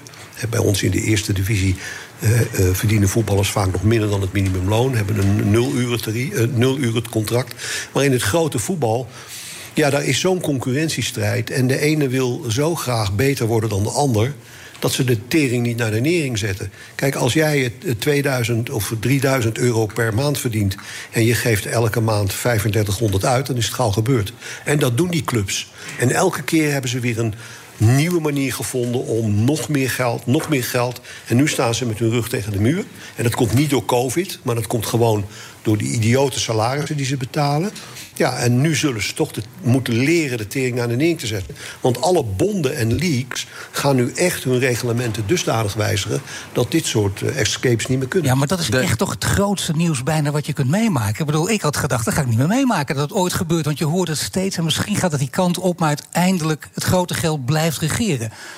Zijn we, dat betekent dat in de praktijk dat we ervan af zijn... dat er geen 200 miljoen meer neergelegd wordt straks voor een nieuwe speler? Ik denk dat we die kant op gaan, omdat ze dit soort eh, bedragen die ze in hun hoofd hadden, niet meer kunnen krijgen. Kijk, de Champions League heeft nu een, samen met de, Euro- met de eh, Europa League een budget van 3,6 miljard. Dan zou je denken dat is toch genoeg. Ja, nee, maar als jij zo idioot bent om 200 miljoen te betalen voor een speler tijdens een transfer en hem 150 miljoen per jaar te laten verdienen, dat gaat een keer niet. Nou, en, en, en daar kwamen ze tot op heden nog steeds mee weg. Maar ik denk dat de, de, wal het schip nu gekeerd heeft. Is er een kans dat het Duitse model, hè, 50% is van de fans, eh, zich over Europa verspreidt? Of andersom, is de kans groter dat Duits voetbal steeds meer commercialiseert en langzaam maar zeker die eigen cultuur kwijtraakt? Nee, ik denk het niet. Ik denk dat, die, dat, eh, dat ze het in Duitsland zo houden zoals het is. Maar denkt u dat het geëxporteerd kan worden? Nou, dat zou zomaar eens kunnen na wat er nu gebeurd is. Want, want kijk maar eens naar Bayern München. Bayern München is een schuldenvrije club. Met fantastische spelers die heel vaak boven in de top spelen. Regelmatig een champion. Het kan dus wel. Ja, het kan wel, maar zou Real Madrid of, of Juventus daarin meegaan? Die gaat dat toch dwars voor liggen? Nou, ik denk dat, eh, dat ze langzamerhand niet anders meer kunnen. Want Juventus is zo verschrikkelijk afgegaan. Daar wordt de eerste twintig jaar niet meer naar geluisterd. En meneer Fiorentina Perez van, van Real Madrid... Ja, dat is een geldwolf. Daar zat ik vijf jaar geleden, staat ook in mijn boek. eh, ook mee om de tafel, omdat hij een Super League wilde. En eh, nou, die mensen blijven doorgaan. Maar die mensen zijn, die hebben zo'n hoogmoedswaanzin. Dat komt een keer ten einde. En, en ik denk echt dat de wal het schip nu gekeerd heeft. En hoe zit het met het Amerikaanse model? Wordt heel vaak ook geroepen en er wordt ook door anderen weer gezegd... ook als ik het wel eens vraag, loopt toch niet te dromen? Dat is naïef. Namelijk de Amerikanen, hè, voor, eh, simpel eigenlijk. Het gaat niet om de clubs, het gaat om de competitie... en die moet spannend blijven. Dus je kunt op die manier ook een hele spannende... dan krijg je dus ook in de Champions League... dat Ajax eh, vaker in de finale kan komen, bijvoorbeeld. Ja, maar het Amerikaanse manier van sportbedrijven... dat past hier niet in Europa. Wij denken anders. Ik weet nog toen het American Football naar de Amsterdam Arena kwam... dan vonden die Amerikanen, die gingen de eerste twee, drie innings... gingen ze popcorn buiten zitten eten en met hun familie zitten praten. En dan zeiden we, waar ga je naartoe? Oh, het wordt pas spannend aan het eind. Nee, dat hebben wij niet. En bij ons moet je, moet je door middel van lokale prestaties... in zo'n Europees toernooi kunnen komen. Dat vinden we met z'n allen. En ja, die Amerikanen hebben een heel succesvol systeem bedacht. Ook alleen maar in de top. Dat, gaat, dat is nu wel gebleken dat dat hier niet, eh, niet komt. Want de fans pikken het alleen al niet. Dan krijgen we misschien toch wel uiteindelijk... die Super League, maar dan nieuwe stijl? Omdat, omdat clubs zeggen, er is dat geld, het kan niet anders, we hebben dit gewoon nodig. En de macht van het geld regeert uiteindelijk altijd. Je hebt gezegd, de wal keert het schip. Dat is echt een enorme uitspraak. Ja, maar dat, blijkt ook wel. Want als je naar het format kijkt waar het nu zo om ging... Hè, dus het, het, zeg maar het format van de Champions League naar 2024... dat is alweer veel beter dan wat het nu is. Maar wel met promotie-degradatie. En daar, dan wordt er zoveel mogelijk aan televisiegelden... wordt er natuurlijk uit de markt gehaald. En dat komt voor 50% uit Engeland, Italië, Frankrijk en Duitsland. Daar zit je nou eenmaal mee. In Nederland, die zenders kunnen dat soort bedragen niet betalen. Dus vandaar dat die landen wat meer clubs mogen leveren. Maar eh, dat format wat er nu komt, dat is een fantastisch format. He, daar, kunnen, beginnen we meteen met tien clubs die tegen elkaar voetballen. Daar waren al die clubs die nu die Super League wilden... het notabene mee eens. Ik heb zelf nog in de vergadering gezeten op vrijdag dat ze dat zeiden. En op, eh, en op zaterdag kwamen, kwamen ze opeens met hun uh, communiqué... we stappen eruit. En die Agnelli ook. Die heeft, mag ik dat nog vertellen? Ja, graag zelfs. Die heeft op zaterdag, moet u horen wat er gebeurd is. Op, uh, hij heeft op vrijdag heeft hij met de European Club Association, waar hij voorzitter van is, een communiqué uitgegeven dat, hij, dat ze het eens waren met het format van de Champions League na 2024. Op zaterdagochtend rijdt de voorzitter van de UEFA, Severin, terug van Slovenië naar Zwitserland. En toen werd hij gebeld van... god, er is wat rumoer in de markt. Je moet toch eens even navragen. Toen heeft hij Agnelli gebeld. Van, uh, ik hoor dat er toch sprake is over een Super League. En toen zei hij Agnelli als antwoord... dat zijn geruchten, daar moet je je niks van aantrekken. Dat is niet zo. Laten we dan samen een communiqué opstellen. Goed, zei Agnelli. Maar stel jij het maar op. Daarna heeft Agnelli zijn telefoon nooit meer opgenomen. En toen we allemaal sliepen om 12 uur... was het van, jongens, er komt een Supercup. En daarom heb ik me zo opgewonden over die man. Want het is schandalig. Nee, ze verschuilen zich altijd achter. Het is machtspolitiek, zo gaat het bij landen ook. Het is geopolitiek, daar moet je niet naïef in zijn... maar dit gaat een stap verder. Hè. Dit is gewoon achterbaks. Het is zeer achterbaks, want die Agnelli... Ik ben nu uit het UEFA-bestuur. Maar dan heb ik ook nog twee jaar meer in het UEFA-bestuur gezeten. Hij is nog steeds lid. Nou, nu is hij afgetreden natuurlijk. Ons heeft hij vorige maand ook zitten voorliegen. Ja, als je het zo wil doen, dan uh, red je het niet in Europa. Het voorwoord geschreven door Louis van Gaal. Louis van Gaal die had het ooit hè, over de Champions League als een, ja, een commercieel gedrocht. Dat heeft hij toen al geroepen. Ja. Werd hij uitgelachen. Dat is goed gezien. Nee, is niet goed gezien. Oh. Hij, gisteren waren we samen bij Omroep Max. En toen begon hij er weer over. Toen zei ik, Louis, je zit het fout. Nou ja, je weet hoe Louis dan is. Een beetje licht naar voren. Oh ja. Ja. Uh, een, beetje, een beetje hard praten. Ja, en dat kon daar niet, want het, het, het stormde als een gek. Dus ik heb gezegd, Louis, we hebben het daar nog wel een keer over. Dus dat gesprek moet nog een keer plaatsvinden. Maar het is geen gedrocht. Nee, want waarom is het een gedrocht? Ook Louis, maar ook al die andere trainers die al die jaren bij die clubs hebben gespeeld... die danken hun vermogen en hun inkomen aan deze competitie van de UEFA. Dan moet je het geen gedrocht noemen. Michiel. Uh, de Benelux-liga, ja, de Beneliga, daar ben ik zelf uh, in de tijd met Harry van Rij... dat was mijn collega bij ja, uh, Prehistorie. Ja. Prehistor, die heeft dat bedacht. Van Rij van de Heerk en van Praag. Hè? Geweldige Precies. interviews altijd in het blad. Ja, ja, ja. En daar was ik voor en ik ben er nog voor. Hmm. De, de, we hebben een Beneliga gehad bij het vrouwenvoetbal. Daar ben ik ook een van de initiatiefnemers van geweest. En dat heeft enorm geholpen. Want daardoor, als je tegen betere ploegen speelt... word je technisch beter, je wordt fysiek beter, mentaal beter. Dat kan zo'n Beneliga teweeg brengen. Alleen, ja, ze pakken het verkeerd aan. Kijk, zij denken van, nou, nu heeft Duitsland, uh, België tien, uh, vijf plekken voor de Europa Cup. Nederland vijf plekken voor de Europa Cup. Vijf plus vijf is tien. Dus dan krijgen we er samen tien. Ja, maar dan zouden ze meer hebben dan de Premier League. Dat gaat dus niet. Dus je moet Europa Cup plaatsen inleveren. Ja, daar is nog niet over gedacht. Het is ook nog niet bekend of die media-giganten... Uh, dat bedrag wel willen betalen wat ze in hun hoofd hebben. Nou, en richting UEFA, ik kan het nu wel zeggen... Ja, hebben ze het niet goed aangepakt. Ze hebben de UEFA er meteen mee geconfronteerd. Ze, ze, hadden beter mij als bestuurslid nog kunnen inschakelen. Dat, ja, dat ik het pad had kunnen, het pad had kunnen effenen. Maar dat heeft de KVB niet gedaan, hè, ja. Dus gaat u vrouw, even... vrouw als voorzitter nu, is een goed idee? Nou ja, ik was in de tijd voor een vrouwelijke voorzitter... maar het is just spee geworden. Een kanjer, echt. Maar nu is bekend geworden dat de directeur betaald voetbal... Marianne van Leeuwen wordt. Nou, die ken ik heel goed. Die komt hier bij Zeeburgia vandaan. Heeft van een, gammele club een fantastische club gemaakt. Zeer multicultureel. Ze heeft een cv van heb ik jou daar. Zakelijk heel goed. ik vind het een groot succes. Vrouw gaat de hele sportwereld misschien op zijn kop zetten. En zou dat voor de UEFA ook een goed idee zijn? Voor de FIFA, gewoon daar vrouwen als uh, voorzitter neer te zetten? Jazeker. Nou, ik denk ook als wij een vrouwelijke voorzitter zouden, bondsvoorzitter zouden hebben, hebben gehad, dat die zo in het UEFA-bestuur zou zijn gekomen. Heel mooi boek. We horen dit gesprek al natuurlijk. We willen eigenlijk uren over praten. Mag gewoon weer niet. Hè? Maar wel een geweldig boek is het ook. Niet alleen voor de voetballiefhebber. Ik denk ook voor mensen die echt achter de scherm willen kijken. Want dat ook waargemaakt in het boek. Van Praag achter de coulissen van het voetbal ligt in de boekwinkel. Straks schrijven Bernard Hammelburg, die ken je ook, hè? Nou, gaan we het nog over. Zeker. En Ander Meester aan, directeur van het Frans Hals Museum. The Friday Move wordt mede mogelijk gemaakt door TUI. Discover your smile. BNR Nieuwsradio. The Friday Move. Wij hopen uh, dat onze ambitie wordt gedeeld... en dat we voor de zomer een nieuw kabinet kunnen hebben. Daarom nu een positief besluit met een veiligheidsclub. Het is heel simpel. Paul van Liemt. Na elf dagen van geweld is vannacht in Israël en de Gazastrook een staakt het vuur ingegaan. Maar voor hoe lang nog? Dit is de Friday Move live vanuit de Sky Lounge van het Doubletree bij Hilton Hotel... met de beats van Thomas Robson.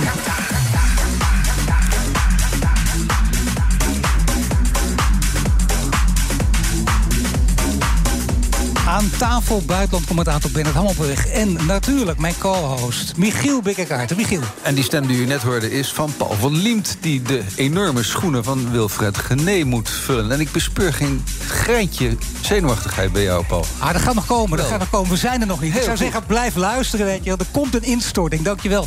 Jullie kennen elkaar al heel lang, maar mag ik even Michiel over een andere man? We hadden net Michael van Praag.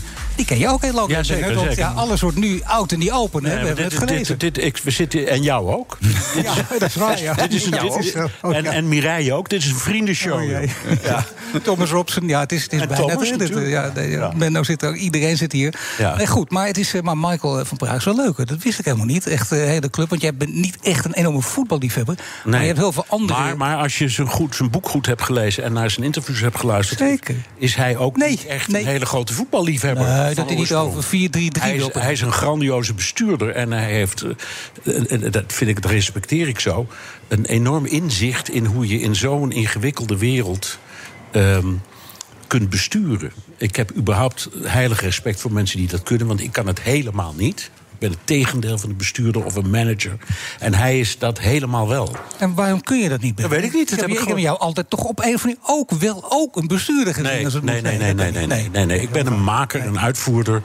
En ik, wil, ik kan best meedenken of meepraten. En jij en ik hebben ooit een boek geschreven, Paul. Zeker. Dus je weet hoe dat werkt. Geen vak voor bange mensen. Koop het boek, hè? Koop het is boek, nog eentje ja. verkrijgbaar, geloof Ja, ik. is Echt, ja, nou, je- Ja. ik denk dat je moet zoeken. Ik, ik heb nog een stapeltje getekend door jou en mij. Ja.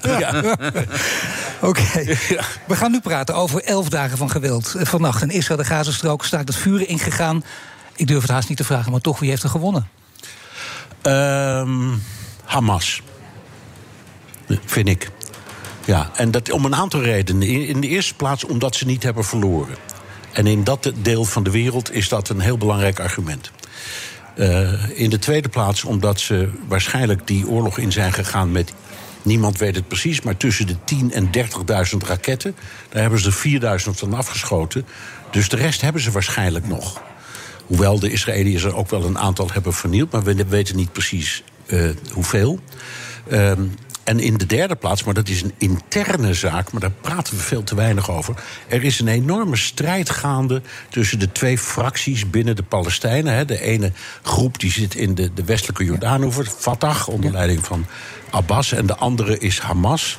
Die leven op, letterlijk en figuurlijk op voet van oorlog met elkaar. En er wordt al jaren gewerkt naar nieuwe verkiezingen voor de Palestijnen. En door te doen wat ze nu hebben gedaan, hebben zij onder de potentiële nieuwe kiezers enorme scoren gemaakt. Om electorale redenen dit Om gedaan. electorale Ja. redenen. Dus ook dat is iets wat je mee moet rekenen. Ja, er speelt er nog iets. Namelijk, eh, uiteindelijk wil je wel weten waar gaat het ook al over. Het gaat om wel iets heel belangrijks, namelijk om van wie is Oost-Jeruzalem? Ja, nou ja, dat was de aanleiding dit Nou ja, keer. tuurlijk. En er gebeurde dus iets geks. Eh, de Israëliërs ehm, he- waren, wilden een, een groepje Palestijnen dat in Oost-Jeruzalem woont uitzetten, uit hun huizen zetten, omdat ze eh, met een notariële verklaring kwamen van, ik geloof, bijna 100 jaar oud. Waarin zij: nee, dit zijn eigenlijk, dit eigenlijk eigendom van een Joodse familie. Nou, dat is, dat is een soort metafoor voor het hele probleem van de bezetting en de discussie daarover. En toen dat gebeurde, ontstond er enorme rel. En eh, er stond, daarna ontstond een rel op de Tempelberg, die daar vlak tegenaan ligt bij de El Aqsa-moskee. En, ehm, maar Jeruzalem ligt een heel eind weg van Gaza. En het gevolg van die ongeregeldheden en die rel was dat, de, dat Hamas vanuit Gaza plotseling raketten begon af te vuren op Tel Aviv, op eh, het vliegveld, op allerlei doelen in Israël. Dus dat heet, dat heet in, de, in, zeg, in, de, in de, de oorlogstheorie een asymmetrisch gevecht. Dus er gebeurt iets op één plek en op een andere plek neemt een hele andere groep wraak op andere doelen die daar niks mee te maken hebben. En daarmee werd het de, de gebruikelijke puinhoop die nu al jaren duurt in dat conflict daar. Ja, nu is het wel zo dat er natuurlijk weer uh, mensen zijn die moeten, uh, ja, de intermediair moeten zijn. Landen die dat ook doen. Uh, Biden ja. die zich ermee bemoeit. Merkel die over van alles geroepen heeft. Maar natuurlijk landen in de omgeving. Qatar, Egypte heeft een belangrijke rol gespeeld. Ja, Egypte, het dan Egypte heeft ook in 2014, dat was de vorige oorlog, die heeft 50 dagen geduurd. uiteindelijk een een bestand uit onderhandeld. Dat, die, dat is de enige, eigenlijk, kun je zeggen, het enige land dat contact heeft met iedereen en ook redelijk goede contacten. En dat hebben ze nu ook weer gedaan. Dus Egypte verdient de meeste credit als je zegt wie heeft nu het bestand tot stand gebracht. Of dat stand houdt, weet niemand. Ik denk van niet, maar uiteindelijk hebben ze gedaan. En wat, wat het idee wat de Egyptenaren daarbij hebben is een, een model, komt hierop neer. Als we Hamas via druk van bijvoorbeeld Qatar of druk vanuit uh, Iran ertoe kunnen bewegen om wat terug, gas terug te nemen met die raketproductie. En al die tunnels die ze hebben gegaan. Ja. 100 kilometer tunnel in een stukje gebied dat kleiner is dan Texel. Um, als we dat kunnen bereiken, dan kunnen de Israëliërs en de Egyptenaren, die de beide poorten naar Gaza beheersen, die kunnen die poorten ietsje verder openzetten. Dan kan er iets van normale import van belangrijke goederen komen. Ze kunnen misschien de zeerechten iets uitbreiden, zodat die Gazanen kunnen vissen, wat ze graag willen. En niet voortdurend worden tegengehouden door Israëlische en Egyptische kanonneerboten. Dat was het idee wat Egypte heeft. En ik denk dat ze proberen om dat uit te werken. En ik denk dat het uiteindelijk gedoemd is te mislukken. Maar dat, dat is in elk geval het startpunt geweest voor iedereen te zeggen: nou moeten we maar stoppen. En de belangrijkste reden was natuurlijk dat ehm, Israël wilde nog doorgaan. Ook voor een deel om interne politieke redenen. Omdat dat uh, de positie van Netanyahu versterkt in eigen land. Ook daar weer electoraal. En daarbij, en op dat moment heeft Biden, die heeft, ik geloof woensdagavond gezegd: Nou is het wel mooi geweest. Toen zei uh, Netanyahu: Nou nee, maar ik ga toch nog door. En toen heeft op donderdag heeft Biden gezegd: Ik geloof dat je me niet goed hebt verstaan. Ik zei dat het nu mooi was geweest. En toen was het over, op vrijdag. Ja. Nu praten we ook eventjes over uh, bijvoorbeeld Nederland. En in Nederland gaat het ook over beeldvorming, zoals in alle landen. Ik citeer Trouw. Trouw vraagt zich af of de sympathie van de Nederlanders langzaam van, Israël naar Pal van de Israëliërs naar de Palestijnen verschuift. Meerdere pro-Palestina-demonstraties schrijven ze afgelopen week. En die roepen dat beeld op. Ja. Is dat jouw indruk ook nee, nu in ja, Nederland? Nee, nee, daar geloof ik helemaal niks van. En het is een eeuwig probleem. Om dit, dit conflict is een van de meest polariserende. En ik heb in al die jaren geweigerd aan daar, om daaraan mee te doen. Ik, ik, ik, ik ontken niet dat het zo is. Er zijn mensen die zich om alle mogelijke redenen solidair voelen met het leed van de Palestijnen. Er is heel veel voor te zeggen. Maar er is ook heel veel voor te zeggen dat mensen zeggen: ja, maar op het moment dat er een conflict is over iets zoals in Jeruzalem, kun je toch niet toestaan dat een, een, een groep terroristen, want officieel is Hamas terroristen, zomaar raketten begint af te schieten op een burgerbevolking op een heel ander gebied, die er niets mee te maken hebben. Dus ik, ik, blijf, daar, ik blijf daar buiten. Ik vind het ook, ook onzinnig om die redeneren. Het is niet een keuze. Het is een, een, een probleem dat aan allebei de kanten klopt. Er is een, een onmogelijke situatie waar een eind aan zou moeten komen. Iedereen in de wereld, ook de meeste Israëliërs en ook de meeste Palestijnen, zijn voor een twee-staten-oplossing. Nog altijd. En dat lukt al maar niet om alle mogelijke redenen. Maar om het, het idee van dat, dat een, de sympathie van een volk verandert. Ik, vind, ik, ik, ik, ik wil die kant niet op. Oké, okay, dankjewel Bernhard. We gaan eruit voor het verkeer. We zijn zo. Aan tafel Anne de Meester. We waren in gesprek. Neem me niet kwalijk, lieve luisteraar. Blijf luisteren. Ze is directeur van het Frans Hals Museum. En ze kan er met haar verstand niet bij dat musea nog steeds niet open mogen. Want uh, ja, uh, mevrouw de Meester mag Anne zeggen gewoon... Hè, we zijn het laatste land in Europa waar de musea nog dicht zijn. Dat valt bijna niet uit te leggen. Dat is de grote klacht. Waarom is het zo, zo kalmpjes nog steeds? Ondanks de protesten in het museum en de culturele wereld. Hoe komt dat? Ik denk dat wij ervan uitgegaan zijn dat uh, je niet door hard roepen je zin krijgt. En dit is een wereldwijde pandemie. Daar ga je niet in een soort uh, wielrennerskoers proberen de eerste te zijn. Je wacht je beurt af. Maar als dan blijkt dat je heel lang op je beurt moet wachten. Dat je een soort, ik heb dat heel vaak als bel. Je houdt de deur open voor iemand. En vervolgens sta je dan een half uur nog. Want iedereen denkt dat je de portier bent. En ik denk dat dat gevoel krijgen we nu als sector. We zijn heel netjes geweest. Gewoon zoals het hoort. Wij zijn niet uh, ruige rockers. Want, uh, maar nu worden we daar eigenlijk voor gestraft. Maar ik begrijp het ook. Want hoe erg moet je het maken? Als ook uh, vanuit kabinetskringen minder achter de geluiden zelfs bijna doorklinken. Of niet bijna, laat bijna maar weg dat die gaan doorklinken, ja, dan ga je toch echt op je achterste poten staan. Ja, want dan kun je, kijk, met verontwaardiging koop je niks. Want ik denk, wij zijn als heel sector, alle kunstenaars, museumdirecteuren, wij zijn verontwaardigd en, en ook een beetje.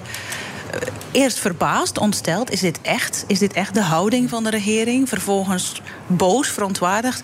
Maar met verontwaardiging verander je niks. En je, we kunnen wel gaan protesteren, maar het gevoel is heel uh, diep. je zou wel de regels kunnen overtreden door te zeggen... we hebben alles voor elkaar. Moet je kijken, bij Primark en Action kun je gewoon naar binnen. Bij ons kan dat ook. Er zijn protocollen voor. Dat kan gewoon ook, die beweging op straat. Dat argument valt dan ook weg. Dus ja, meer dan dat kun je niet doen. Dan denk je, ja, misschien moeten we nu burgerlijk ongehoorzaam worden, of niet? Ja, maar waarom zou de culturele sector dat moeten doen... en de horeca bijvoorbeeld niet? Hè? Want uh, er is, je, je, het is ook een zwaktebod. Want wij zijn gewoon belangrijk kunst en cultuur is belangrijk, vitaal voor, de, voor, de, voor het geestelijk welzijn. En dat wil je erkend zien. Je wil niet koet, koet die deuren opengooien. Je wil erkend zien dat bezoekers in Nederland behoefte hebben aan kunst en cultuur. En dat wil je ook erkend zien door de overheid. En, uh, en de, een soort anarchistische spirit die is mij zeer eigen. Ik, ik net zeggen, van, ja, ik ben nogal een activist en ik hou ook van uh, kont tegen de krip. Maar hier denk ik van, dit moeten we net niet doen. Want dan cultiveer je een imago van mensen die de wet overtreden... en die eigenlijk clandestien zijn. Wij zijn niet clandestien. Wij zijn eh, zonder elitair te zijn. Wij zijn de, de kapelletjes en de kathedralen van de kunst. Die moeten gewoon open kunnen zijn. Maar niet goed genoeg in het lobbycircuit dan? Hmm, de lobby is super zwaar en super sterk. Uh, op heel veel niveaus. Maar ik denk dat het een heel fundamenteel gegeven is. We kennen het al van voor Halbe Zijlstra. Kunst en cultuur wordt niet gezien als vitaal en essentieel. Dat, is, dat zit heel erg diep. En daar proberen wij als sector over na te denken. Wat doe je daaraan? Want daar hebben we ook hulp bij nodig. En nou, er gebeurt van alles in de Volkskrant. Ja. Vanochtend ingezonden brief. Roger van Boksel die zegt... ik heb even mijn balboekje gekeken. Heel veel prominenten ondertekenen dat ook. En die zeggen het is echt heel belangrijk. Maatschappelijk economisch verlies moet je beperken. Het publiek moet meer genieten van cultuur. Emil Schrijver, directeur van Joost Historisch Museum... die zegt dat ook de vitaliteit van punt is ongelooflijk belangrijk. Zou dat niet inderdaad luiden van de daken geschreeuwd moeten worden... met argumenten? Uh, dat, dat kan. En ik denk dat we dat ook voortdurend doen. Maar dat we daar dus ook hulp hulptroepen bij nodig hebben. Want als wij datzelfde de hele tijd zeggen... wij zijn van wc eend en vinden wc eend geweldig. Maar wie zijn onvermoede hulptroepen? Zijn die al... Wel, ik vond bijvoorbeeld de brief uh, van Roger van Bokstel... en de mede-onderschrijving van... dit hebben we, niet dat we het zelf niet willen doen, we gaan het blijven doen. Zeggen, eh, kunst is zingeving, kunst is diepgang... kunst is volgens mij zijn Marleen Stickers soort seks voor de hersenen. Hè, uh, seks voor de brain. Ja. Uh, dat, dat, we halen als sector veel argumenten aan... maar ook de bezoeker, ook prominenten, als die dat doen... dan is het des, dan is het spreekwoord des te groter. En dan is het vanuit een soort oppositie en verzet. Maar van, dit is normaal, dit is essentieel. Dit, hier zouden we niet hoeven over te discussiëren. Nee, maar dat moet wel, dat blijkt het ook. En het gaat steeds gekker worden. Want uh, Michiel, je, dat woord snakken, dat gebruikt nu iedereen. Snak jij er ook naar nu? Want misschien dat jij ook een onvermoede hulptroep kunt zijn. Dat zegt, ik moet gewoon naar het Frans Hals Museum. Nee, dat zal heel zalig zijn om weer eens rustig door een museum te kunnen wandelen. Um, als we nou vooruitkijken naar terugkeer van normale tijden, laten we vragen in de zomer. U bent museumdirecteur. Um, welk museum vindt u het mooiste ter wereld? En waar kijkt u stiekem naar? Het mooiste ter wereld, wauw. Waar, waar, waar, waar, kunt u het meest van leren? Mag het Louvre niet noemen? Uh, het Louvre, nee. nee. Ik denk, een van de persoonlijke favorieten is het Louisiana Museum in, in Scandinavië. Omdat daar een soort enorm, rust, over rust gesproken. Dan heb je heel uh, kunst op het scherpst van de snede in een ongelooflijk natuurlandschap. Oh. En die combinatie is, is, is schitterend. Maar ik dacht een beetje als, als vakvrouw, museumdirecteur. Ik, ik had, toen ik een radiostation had, luisterde ik altijd naar andere radiostations. Wat kan ik daarvan pikken? U kijkt misschien ook met zo'n blik als u in een museum bent. Absoluut. En, altijd. Alleen, ik heb geen ander museum meer gezien ja. sinds uh, anderhalf nee, jaar. Maar goed, voor, die tijd. Nee, ik denk, eh, de Metropolitan Museum is, is, is van het grote kaliber. Wat zij hebben gedaan in de Met Breuer, waar ze eigenlijk heel ongebruikelijk gingen programmeren. Oud en nieuw door elkaar, daar hou ik van. Dat vond ik heel inspirerend. Maar ook een klein museum zoals het Zwitserse Museum in Winterthur, waar ze eigenlijk het omgekeerde doen en zeggen: wij gaan helemaal niet, eh, wij gaan een oase van rust zijn. Hè, Van wij zijn een plek waar je heel ouderwets geniet van de stilte, van het eh, in jezelf keren. Dat vind ik heel eh, inspirerend. En ook een museum waarvan ik altijd de naam vergeet, terwijl het een van mijn favoriete musea is. Het is het Diocees Museum in Keulen. Oh ja, er staat ook een blaadje, zie ik. Nee, nee, ja, nee, nee, die flauw. staat hier niet op. Hier, oh, nee. hier staan allemaal argumenten pro-cultuur op, maar niet Oh, mijn toch? favoriete Oh, musea. zeggen. Ehm, het is een museum waarin eh, religieuze kunst en religieuze voorwerpen worden gecombineerd met eh, hedendaagse kunst. In een gebouw door Peter. Eh, dat is, daar, daar word ik altijd heel blij van. En daar kijk ik ook naar, omdat ik denk van museum moet op dit moment, wij willen een plek van debat zijn en discussie. Waar je praat over grote maatschappelijke onderwerpen. Maar je wil ook dat escapisme bieden, dat die verstilling. Het dat mensen iets zoeken waar, waar ze, wat ze misschien alleen maar in de yogaschool of in de kerk kunnen vinden. Dat kan ook in een museum. En die twee tegenstrijdige dingen zijn, dat is de grote uitdaging.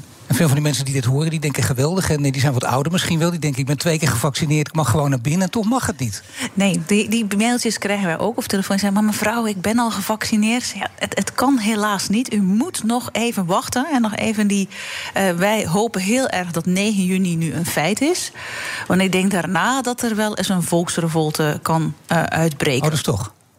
Dus toch. Nee, maar wacht even. Een volk, dat is echt waanzinnig. Een volksrevolte uitbreken. U luistert naar BNN Nieuwsradio, ik zeg het er even bij. Ik, ik ben Friday natuurlijk Belg. Je weet, de. Belgische onafhankelijkheid die is ooit veroorzaakt door een opera. Dat is natuurlijk de, de Stomme van Portici. En na de opvoering van de Stomme van Portici zijn de Belgen in opstand gekomen 1830 en gezegd van wij, fuck you, wij gaan zelf verder. En misschien gebeurt hier wel het omgekeerde. Als na 9 juni de musea niet open gaan, dan gaat, komt volgens mij de bezoeker in opstand.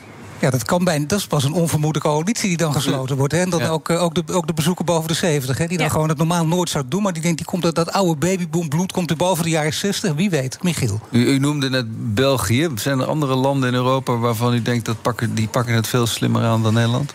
Wel, in de algemene coronastrategie zou ik dat niet durven zeggen. Hè, van dat is, eh, Nee, maar, maar wel cultureel gezien, alle landen in Europa pakken het beter aan. De, België is eh, mijn land, eh, mijn geboorteland, ondersubsidieert cultuur stelselmatig. Maar he- hecht er wel heel veel waarde aan. Interessante paradox. Daar zijn de musea gewoon al de hele tijd open. Mensen gaan met plezier naartoe. Alles is veilig. Hetzelfde geldt nu voor Frankrijk. Duitsland. De horeca gaat open, dan gaan ook de musea open. Duitsland is denk ik weer dicht, maar die hebben heel vaak weer opengezet als eerste. Hetzelfde Hollanders zijn. Filistijnen, hè? dat zijn we toch altijd geweest? Ja, maar dat is ook zo'n makkelijk Handelen argument. moeten we. Hollanders Niks zijn geen cultuur. cultuurbarbaren. We hebben, er is een geweldig artistiek erfgoed hier. Hè, van, de, van de 17e eeuw tot nu. Hmm. Er is een enorme densiteit aan musea. Dus dat is het niet. En ik ben heel benieuwd. Gisteren vroeg mij iemand, hoe verklaart u dat? Ik ben Ja, ik geen vragen. Hoe socioloog. verklaart u dat? Ik ben geen socioloog, dat Germaans weet ik niet. Ja, maar het zijn geen sociologen, dat zijn taalkundigen. Ik, ik weet het niet en ik zit er ook te veel in. Ik denk, bedoel, ik kan niet van buitenaf kijken. En ik wil het heel graag vragen aan, aan onze eh, minister-president, aan, aan, eh, aan Mark Rutte. Nou, waarom? Mensen, mensen hebben wel geld voor kunst over, inderdaad. Want kijk, de campagne houdt de Hermitage open in Amsterdam. Groot museum, dat is een groot succes. Binnen anderhalve maand, heb ik hier op een blaadje staan... is het streefbedrag van 1 miljoen euro nagenoeg binnen. Ja, dat is natuurlijk Aan de burger zal het niet liggen. En dat is Nee. misschien, dus ik hoop dat, in, eh, dat, dat, dat de regering kijkt naar wat de burger wil. En de burger wil cultuur. Die moeten naar het Frans Hals Museum. Want inderdaad, ik Daar kom er echt graag. geval. Prachtig inderdaad. Maar bovendien ook eh, verrassende eh, combinaties. Hè. Oude meesters, moderne kunst, alles door elkaar hangen. Dat is ook de verrassing die je nodig hebt. En 9 juni gaat het open. Ik hou dat even in mijn achterhoofd. Anders komt er een revolte. Dus anders staan Michiel en ik misschien voor de deur. Gaan wij die revolte ontketenen. Zullen we doen? Zullen we doen we. Oké, Dus doen daar reken ik op. Oké, dus 9 juni moet het open. En anders, nou, dan is het dreigement ligt op tafel. Ander meester, hartelijk dank voor de komst eh, naar deze geweldige plek. Skylines namelijk. En straks het laatste half uur van de Friday Move met Annette Gerrit. BNR Nieuwsradio. The Friday Move. Vooral bij het ministerie van VWS schort het financieel beheer ernstig tekort. Nou ja, de dingen die ik eh, over het algemeen het meest eh, waardeer op de vrijdag is eh, gezellig naar de kroeg. Dus ik kwam er vrij makkelijk in. Er was geen enkele check. Paul van Liemt. Voormalig schaatster Annette Gerritsen gaat een nieuwe uitdaging aan. Ze presenteert het radioprogramma van Amsterdam tot Tokio.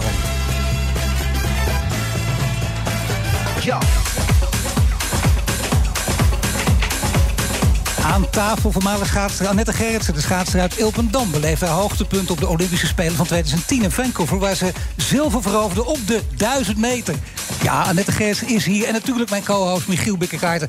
We zien het nog eh, echt voor ons, hè. Dat- Jij toch ook, juichend omhoog, hè? Ja, die zilveren medaille, man. Sorry, Annette. Het is oké. Zeg. Jij weet nog wel wie de goud won toen, hè? Ja, dat weet ik nog wel. Ja, zullen we het nog één keer zeggen? Ja, of niet? Nou, wel. één keer even invrijven. Christine Nesbit. Ja, zie je, dat hoort erbij. 200ste. Nee, maar dat bedoel ik. Dat is keihard gewoon. En dat, Ja. nee, dat is, ik- even, eh, buiten alle grappen even, dat is echt een dramatische ervaring. Hè? Daar wil je liever niet meer over praten eigenlijk. Nou, dat valt eigenlijk wel mee hoor. Ik heb. eh, Kom op, nee, eerlijk, ik heb, ik heb het nergens laten liggen. Ik weet niet waar ik het nog had kunnen winnen. Ehm, ja, zij was het hele jaar wel het sterkst op de 1000 meter. Maar toch hoop je dat je dan net op zo'n dag dat het de goede kant op valt.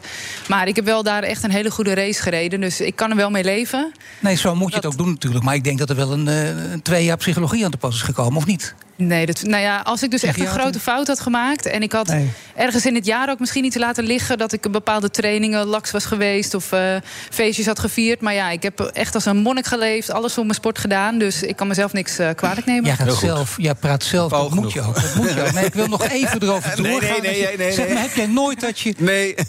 Je hebt één aflevering gemaakt nu. Hè? Dat weet jij zelf ook als topsporter hoe dat is. En, en, en hoe, hoe erg dingen kunnen zijn. Hoe geweldig de, de emotie kan zijn. Hoe je, hoe je op iets moet voorbereiden. Eh, je hebt er eentje gemaakt met... eh, met Jesse Put. Hij is eh, in 2016 is hij wereldkampioen geworden op de 50 meter vrije slag. Ja. Dat is de korte baan. Klopt. Als je met topsporters praat, dan ken je elkaar. Dan weet je dus wat je bijvoorbeeld wel en niet mag vragen. Dan weet je, nou ga je te ver, niet over doorzeiken. Of dit juist wel. Je weet en voelt ook aan of iemand eerlijk dingen zegt. Merk jij, merk jij echt dat ze ook veel meer tegen jou vertellen? Of om die reden juist iets voorzichtiger zijn? Ehm, nou, ik denk wel dat je misschien net een andere vraag op een andere manier kan stellen, omdat je eh, weet wat voor gevoel zij ervaren. En dat je daardoor soms net een andere insteek bij een interview kan, eh, kan geven. En dan hopelijk ook net een ander inkijkje daarmee kan brengen voor de luisteraar. Nou ja, bijvoorbeeld hè, dat de Olympische Spelen. Dat is natuurlijk iets waanzinnigs. Jij weet het zelf ook, je zegt het ook. hè. Je hebt je helemaal naartoe geleefd. Je doet er echt alles voor. Je zet alles opzij. En dan gaan de Olympische Spelen niet door. Dat, dat is een ramp. Heel je jaar, valt weg, je leven valt weg. Wat moet je eigenlijk? Ja, nou datzelfde vroeg ik mij dus ook af. Dus vorig jaar heb ik daar een podcastserie over gemaakt. Echt midden in de, in de coronacrisis, de allereerste, toen iedereen nog netjes thuis bleef. En ehm, toen dacht ik, ja, hoe, hoe zullen die sporters zich voelen? Hoe- ik ging wel een beetje denken van, goh, hoe, hoe zou ik me voelen? Ja, het is natuurlijk heel dubbel. Want de ene sporter is misschien in de, in de vorm van zijn leven. En dat is echt wel even zichzelf bij elkaar rapen. Van hoe ga ik het nog een jaar volhouden? Terwijl sommigen die misschien geblesseerd zijn... of nog net niet helemaal die topvorm hadden... Ja, die waren misschien wel heel blij met een jaartje extra. Dus ja, dat was, eh, dat was wel heel mooi om te, ho- eh, om te luisteren... Naar al die sporters, hoe ze dat je, beleven. to- op je top bent, hè, wat, wat zeiden die sporters tegen jou? Je bent echt op je top, het gaat geweldig. Je denkt, ik maak een grote kans om. Het kan altijd misgaan, maar top Ja. drie eh, klassering te bereiken. En je, je leeft naartoe, alles in een flow. En dan, wat zeggen ze dan? Nou, eh, Matthijs Bugli, eh, de baanwielrenner, om een voorbeeld te geven, die heb ik geïnterviewd. En hij was echt in de vorm van zijn leven. Naar die spelen toe, alles liep op rolletjes zoals het moest. Hij voelde zich ook echt sterker dan ooit. En nou, ik sprak hem dus ook. En hij zat echt wel even in een dip. Echt een enorme dip van... hoe ga ik dit opvangen? Hoe ga ik dit nog een jaar op kunnen brengen? Want het is niet dat je er een paar maanden naartoe werkt. Nee, al vier jaar lang weet jij dat dan die Olympische Spelen zijn. En tuurlijk heb je altijd wel een mijlpaal tussendoor... dat je weet van, nou weet je, ik ben goed op weg. Het WK is dan, dat zijn ook mooie wedstrijden.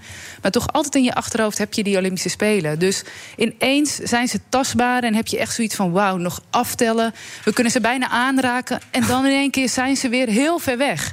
Dus ja, bij hem deed dat wel... Ja, dat deed heel veel met hem. En, En hij dan zoek heeft- je hulp? ja, hij heeft wel eh, er even over moeten doen om echt zichzelf weer bij elkaar te rapen en weer nou ja, een nieuw plan te maken en echt eh er vol voor te gaan. Ook omdat er helemaal geen wedstrijden waren. Dat was natuurlijk ook heel, eh, heel apart. Eh, Nu gaat het wel door. Hè. Daar gaan ze allemaal van uit. Het gaat, Je weet het nooit natuurlijk, maar normaal gesproken gaat het nu door. Amsterdammers, hè, die interviewen, Amsterdamse topsporters op Ja. weg naar Tokio. Wat is een rode draad? Wat is voor jou het allerbelangrijkste om van deze mensen te weten te komen? Ehm, nou ja, vooral hoe zij hun ehm, voorbereiding ervaren. Hoe zij naar zo'n Olympische Spelen kijken. En waar ik heel erg benieuwd naar ben. Wat doet het nou met ze dat hun familie er niet bij kan zijn? Want normaal op je wedstrijden, daar leef je ook mede met je familie naartoe. Want ja, topsport jij staat misschien wel alleen op het podium, maar uiteindelijk zit er een heel team, waaronder ook familie, vrienden erachter die jou altijd heeft gesteund. En gewoon vanaf klein jongetje of meisje gewoon altijd heb, uh, nou ja, mede mogelijk heb gemaakt dat je die sport kan doen en dat je je kan ontwikkelen. Dus dat, dat je uh, in zekere zin, dat zeggen topsporters toch bijna altijd, dat, dat, je, dat je, we het gauw zeggen, dat je een enorm egoïstisch leven moet leiden. Je moet even afscheid nemen van alles en iedereen. Sorry, ik kan niet naar die verjaardag, ik kan niet naar dit, ik kan niet naar dat. Ik ben helemaal met mezelf bezig. En dat moeten jullie van mij accepteren. Ja, en mensen accepteren het ook, omdat ze ook een beetje mee kunnen leven met je doel. Het wordt nou ja, heel vaak op televisie uitge, uitgezonden, de, de wedstrijden tussendoor. De Olympische Spelen natuurlijk sowieso. Dus ja, ik heb altijd wel het gevoel ervaren dat mensen ook wel een beetje het gevoel hadden dat ze onderdeel waren van jouw doel en van jouw droom. Dus dat ze, nou ja, bij wijze van als ze erbij konden dragen van. Uh, dat jij je beter kon voorbereiden om niet naar die verjaardag te gaan of niet naar het feestje, dan was het nee, doe het, doe het. Als het het beste is, doe het alsjeblieft. Ja. Michiel, um, kijk, dit gaat over topsport. Uh, dit wordt uitgezonden op All Sports Radio. Hè. Daar gaat uh, Annette al die interviews maken. Heb je, heb je er ooit van gehoord of niet? Nee. Dat zijn mij ook meteen niet. eerlijk bekennen. Vertel. Ja. ja, het is een uh, internetradio, uh, dus ook alleen via internet te beluisteren. Uh, zij waren de eerste, uh, de radiofabriek was de eerste die dat eigenlijk deed. En Allsport Radio bestaat nu zeven jaar. Ik werk zelf bij Topsport Amsterdam. En wij zijn partners van elkaar. Dus Topsport Amsterdam is partner van Allsport Radio. En we waren een beetje aan het brainstormen van... goh, het zou toch wel leuk zijn als we iets met nou ja, onze sporters... die dagelijks in de hoofdstad uh, trainen... en gebruik maken van de faciliteiten van Topsport Amsterdam... als we die een podium kunnen geven. Hm. En in eerste instantie zaten we te denken van... nou, laten we een podcast doen, uh, weet je, op die manier... En en uh, Lars, een van de eigenaren van. Uh, van Allsport Radio, die zei meteen... nee net, we gaan het live doen. We gaan er echt een programma van maken. Laten we het gewoon proberen. Dus ik zat wel een beetje van... oké, okay, dat is wel echt spannend. Dat gaat je heel makkelijk af, zo te horen. Nou, ik heb ook een goede um, co-presentator. Die uh, is Robert Denneman. En hij werkt al jaren bij de radio. En uh, hij, werkt, hij praat alles uh, vloeiend aan elkaar. Dus nou, ik vond het eigenlijk voor de eerste keer best wel goed gaan. Maar vind jij dit nou iets waarvan je zegt... hier wil ik in doorgaan, ik wil echt presentator blijven... of interviewer worden, of me daar nog meer in ontwikkelen? Of zeg je, nee, ik ben nu ook leefstijlcoach... topsport leefstijlcoach, vind ik veel interessanter. Dit is nou, leuk voor de bij. Ja, het is bij mij... Uh, elke keer weer een beetje verras een verrassing wat er op mijn pad komt. Ik heb ook een documentaire gemaakt. Nou, vorig jaar de podcastserie. Het is soms ook een Wust, beetje. documentaire. Ja, klopt. Ja. Die heb ik anderhalf jaar gevolgd. En uh, ook uh, naar de Olympische Spelen toen, uh, waar ze goud won. Dus dat was wel een cadeautje. Ja, maar dat is echt bijzonder. Hè? Want ik bedoel, die laat niet iemand zo dichtbij toe. Dat zijn weer de grote voordelen, denk ik. Als je inderdaad zelf ook topsporter bent. Ja, ja en ik heb met haar in Jong Oranje gezeten. Vanaf dat we een jaar of twaalf waren, altijd wedstrijden met elkaar gereden. Dus ja, dat was wel een heel bijzonder project. En ja, zo gaat het eigenlijk elke keer bij mij. Dat uh, er komt iets op mijn pad, denk ik, ja, nee, laten natuurlijk, we maar het dan doen. komt op je pad. Maar op een gegeven moment kies je toch, dan zeg je, nou, er komen 30, die heb ik ook vaak. Heb jij niet Michiel? Bij mij komt nooit op mijn pad. Maar zeg maar, stel dat het zo zou zijn, dan denk ik, nou, wat kan mij het schelen? Ik kies dat. Maar jij, je komt zoveel op jouw pad dat je denkt, geen focus. Dat deed je als topsporter wel. En nu denk je, maakt me niet uit. Kom op mijn pad, ik doe het gewoon. Nou, het, is, het valt wel allemaal samen met elkaar. Dus ik ben nu sinds 1 mei topsport leefstijlcoach. Dus dat is echt net. Maar wat is dat? Wat is dat? Wat is dat? Nou, um, wij hebben hier uh, in Amsterdam ruim 270 sporters elke dag trainen. Ik weet niet of je da daarvan op de hoogte was. Ja, natuurlijk. Nee, Ja, die, uh, wij als Topsport Amsterdam zorgen voor de faciliteiten voor al deze sporters. Dus dat ze hier kunnen wonen, dat ze hier naar school kunnen. Uh, dat ze hun, ja, hun leven als topsporter in kunnen richten. Um, nou ben ik even je vraag kwijt. Nou ja, wat is dat? Topsport ja, leefstijlcoach. leefstijlcoach, dat was Hele het. makkelijke vraag. Je dat nou? Leefstijlcoach. Kwam op je pad, zei ook nog. kwam op je pad. Weet je, op Nou, Espen op ik, je ik pad. nam even een afslagje. Toen dacht ik even, Ja, welke, zie je, dat kant is- moet ik ja, nee, zeg, ja, heel slim van jou. Die slag is u. Leefstijl, willen Ja. we weten. Leefstijl. Nou, en uh, die sporters zijn ook heel vaak al best wel jong als ze bij ons komen. 14, 15. Maar die Dus komen doe maar raak. En ze, nou ja, ze komen vanuit het hele land hierheen om hun topsportleven eigenlijk op te gaan starten. En uh, dan komen ze in een Team NL-programma, zoals dat heet. Uh, dan worden ze geselecteerd door de bond. en dan zitten ze hier in de stad, in Amsterdam. En dan, eh, nou ja, zonder papa en mama. Dus daar begeleiden wij ze in. Maar is het fulltime? Zitten ze dan in een hotel of zo? Of, eh, wat moet ik me voorstellen? Ja, ze leven ehm, van maandag tot en met vrijdag zitten ze inderdaad intern in uh, Meer en Vaart. Er is een flat en uh, daar wonen de sporters. Zo. Um, Welke en sporten? Noem eens wat. Basketbal, softbal, uh, honkbal, zwemmen, turnen. Of van huis en haard op die jonge Leuk. leeftijd? Ja. Ja, dus dat is echt wel. Ja, de ene sporter kan daar gewoon beter mee omgaan dan de andere. Maar waarom het ook is, is omdat de basketbalsters, de softbalsters vooral ook, die gaan nou op hun achttiende. Uh, willen ze graag met een scholarship naar ja. Amerika toe. En zich daar verder ontwikkelen. En wat je daarin zag, was dat die stap heel erg groot was. Dus op je achttiende van Nederland naar Amerika. Zonder papa en mama, helemaal op jezelf. Hm. En daarom is eigenlijk voor dit dat traject wel, gekozen. Dat is wel behoorlijk bijzonder, Michiel. Dit, hè? Ik bedoel, voor Nederland, ja. waarbij ook sport niet. Nou, net hoorden we altijd in Nederland wordt kunst niet serieus genomen sport in deze zin eigenlijk ook toch niet? Ja, maar je hebt, je hebt toch ook scholen die zich helemaal hebben ingericht op het geven van normaal onderwijs aan ja. Kinderen die enorm druk met de sport zijn. Ja, ja en dat is uh, eigenlijk ook waar, waar, wij de begeleiding in geven. Dus ook als stopsoort leefstijlcoach. Ja. Je hebt uh, twee dames die hebben als expertise de begeleiding van school. Dus die hebben ook de contacten bij school. En die zorgen dat de sport naadloos aansluit bij de school. Soms kunnen ze gespreid examen doen. Dus dat je de ene jaar drie vakken doet en het jaar daarna bijvoorbeeld vier vakken. En zo uh, kan je ervoor zorgen dat je naast je sportcarrière ook gewoon je duale carrière kan ontwikkelen. Want dat duale is gewoon carrière? Ja, je, ja dus uh, gewoon je normale leven. Oh, ja, je normale je leven. maatschappelijke Ja. leven. Wat Hoe ziet jouw minstens net zo belangrijk leven is. eruit, Michiel? mijn, mijn duale carrière, nou, daar gaan we niet af hebben. Bij mij is het unilateraal. nee, ga je gang, Michiel. Uh, sport is verhalen, hè? Uh, is er een verhaal waarvan jij denkt... Dit, dit gaat een mooie worden in de aanloop naar Tokio? Oh jeetje. Nou ja, ik hoop dat ik die nog ga maken natuurlijk. En dat iedereen dan aan de radio gekluisterd zit en, zegt, en denkt van... wauw, dit blijft me altijd bij. Ja? nou, misschien dat ik er zo nog op kom, maar nu uh, okay. nog even Net, mag ik even iets, Annette, iets persoonlijks aan jou vragen? Of vind je dat vervelend? Nou ja, je mag het altijd vragen of ik antwoord geef. Woon je dat, nog steeds in Ilpendam of niet? Nee, ik ben... Uh, er woont Frans Brood ook altijd. Zijn ja, jullie goed met elkaar? Nou, we komen elkaar wel eens tegen, maar... Dan knik je wel even. Ja, ik heb met zijn zoon in de klas gezeten. En hoe was die? Um, ja. Ja, gewoon, ah, uh, ja, ja, geen topsporter, denk ik.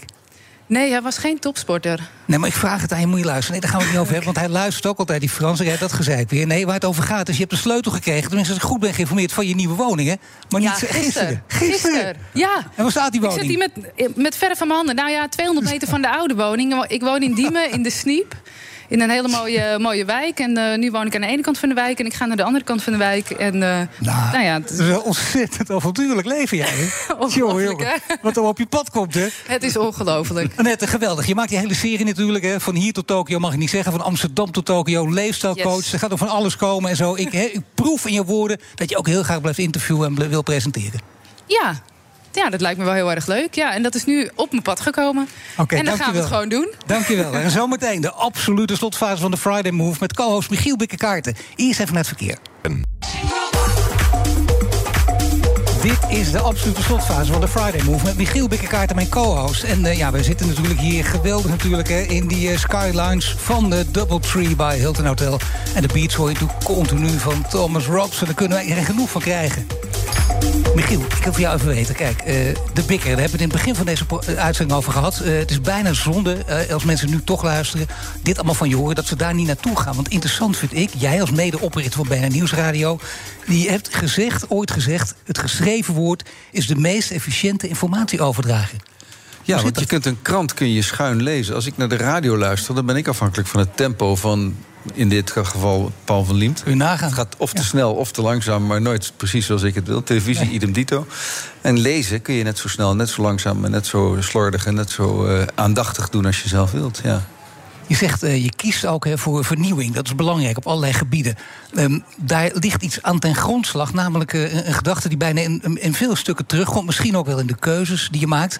Namelijk uh, nadenken over neuropsychologie. Of gebruik maken zelfs van, van kennis uit die wetenschap. Waarom vind je dat zo belangrijk? Nou, dat is typisch een terrein wat eigenlijk van... nou, wat zal het zijn... Ik ben ook maar een leek, maar de afgelopen tien jaar tot wasdom is gekomen. Het begon met Daniel Kahneman. Ja. Dat is wel ik kwam ooit een vent tegen, een, vent, een generaal in het Nederlandse leger. Ehm, en die gaf een lezing, ik geloof voor de Rabobank of zo, voor eh, managers. En die zei, eh, wij op onze opleiding kregen een boek te lezen... van een eh, Amerikaanse psycholoog, en die heet Daniel Kahneman. Daar hebben jullie nooit van gehoord, maar dat moesten wij lezen. Een dikke pil. Lees dat boek, het verandert uw leven. En dit was tien jaar voordat deze man wereldberoemd werd... door behavioral gedragspsychologie, weet je wel? Hij won de Nobelprijs Ja, voor al- economie, omdat die economie en psychologie, die combinatie, dat was een pionier. Heuristics. Maar dat heb ik dus. Het bestaan van het boek en het hele begrip van heuristics en gedragspsychologie heb ik dus geleerd van een generaal in het Nederlandse Ja, leger. Want waarom? Omdat die soldaten altijd in situaties, gevaarsituaties terechtkomen waarin ze moeten terugvallen op hun reflexen. En Kahneman zijn argument is: die reflexen van ons die zijn ooit opgebouwd in de tijd dat we in grotten woonden. Maar vaak zijn dat niet de beste reacties op een bepaalde situatie. Dus je moet leren als generaal, als soldaat, als vechtersbaas om reflexen te herkennen voor wat ze zijn... en dan de beslissing te nemen of je het op dat moment goed is om die reflex te volgen... of je verstand te volgen. Hm. nou, dat is maar één voorbeeld waarom mij dat eh, fascineert. En eh, er is net weer een boek uit wat ik heb besproken... van een man die een totaal nieuwe theorie heeft ontwikkeld. En ik kan niet beoordelen of dat de definitieve theorie is... van hoe ons brein werkt. Maar hij legt het zo fantastisch uit dat ik dat enthousiasme dan wil delen met mijn eh, lezers. En dan maak ik een, een boekbespreking daarvan. Nou ja, het mooie is, het blijkt ook te werken. De, de, de reactie is er ook naar en zo. Mensen waarderen het ook enorm. Eh, Als we het over Kahneman hebben, mag ik even... Hij heeft net een nieuw boek en met twee anderen geschreven. Daar ben ik net in bezig. Noise heet dat. Ook met heel veel leuke voorbeelden. Ik weet zeker dat jij dat ook leuk vindt. Maar we zitten niet in de kroeg. Hè. We zijn op de radio met elkaar aan het praten. Dus daar kunnen we het eigenlijk niet over hebben. Maar het is ook dus nog iets eh, bij jou altijd. Je zegt, als ik, als ik onderwerpen kies... dan kom ik toch ook vaak uit, althans het merk ik bij jou... bij internationale media. Die vergelijk je ook met elkaar. Dan ga je toch ook nadenken over de toekomst van media. Je biedt heel veel dingen aan die ik ook nooit wist. En ik denk, dat is al een reden alleen om naar de site te gaan. Kun je één ding zeggen? Hoe gaat het met het om- omroepbestel aflopen? Die vraag heb ik 30 jaar aan iedereen gesteld... en niemand heeft een antwoord en jij kan het in 10 seconden. Nou, eh, bij één ding wat je kunt vaststellen is dat het omroepbestel, zoals jij dat noemt, de publieke omroep, dat die alle andere media zal overleven, omdat die op belastinggeld draait. Dus nooit zich zorgen hoeft te maken over reclameinkomsten of commerciële bestaansrecht. Ehm, in welke vorm dat allemaal gaat gebeuren, nou, dat weet ik niet. Dat is een soort lange leidensweg. Het is voor alle media eh, buitengewoon ingewikkeld. Eh, ik probeer dus nu met die nieuwsbrief een nieuwe vorm, een nieuw verdienmodelletje te ontwikkelen. Ehm, ik, ik heb met 6000 abonnees een omzet van ongeveer 30.000 euro per jaar. Nou, de een vindt dat echt een fooi en de ander zegt... Mwah, dat is helemaal niet zo gek. Ik zeg van, het is voor een part-time bezigheid een prima part-time inkomen. Het is een modelletje, net zoals podcasts nu worden ontwikkeld... wat vijf jaar geleden, tien jaar geleden ook niet bestond... wordt ook naar gesnuffeld van, kunnen we daar misschien een verdienmodel van maken... Klassieke media, je hebt gezien in de, een van de meest recente nieuwsbrieven... eh, kun je ook weer terugvinden op debikker.eu overigens. Ook nog, hè? ja zeker. Want daar staat alle oude artikelen. Maar daar staat dus een hele mooie grafiek in. Zo'n visuele grafiek van hoeveel online abonnees hebben de klassieke kranten. En dat gaat dus van de New York Times tot en met de Corriere della Sera... en de handelsbanken, hoe heet die, die, eh, eh, die Zweedse krant. En dat, dat is heel mager.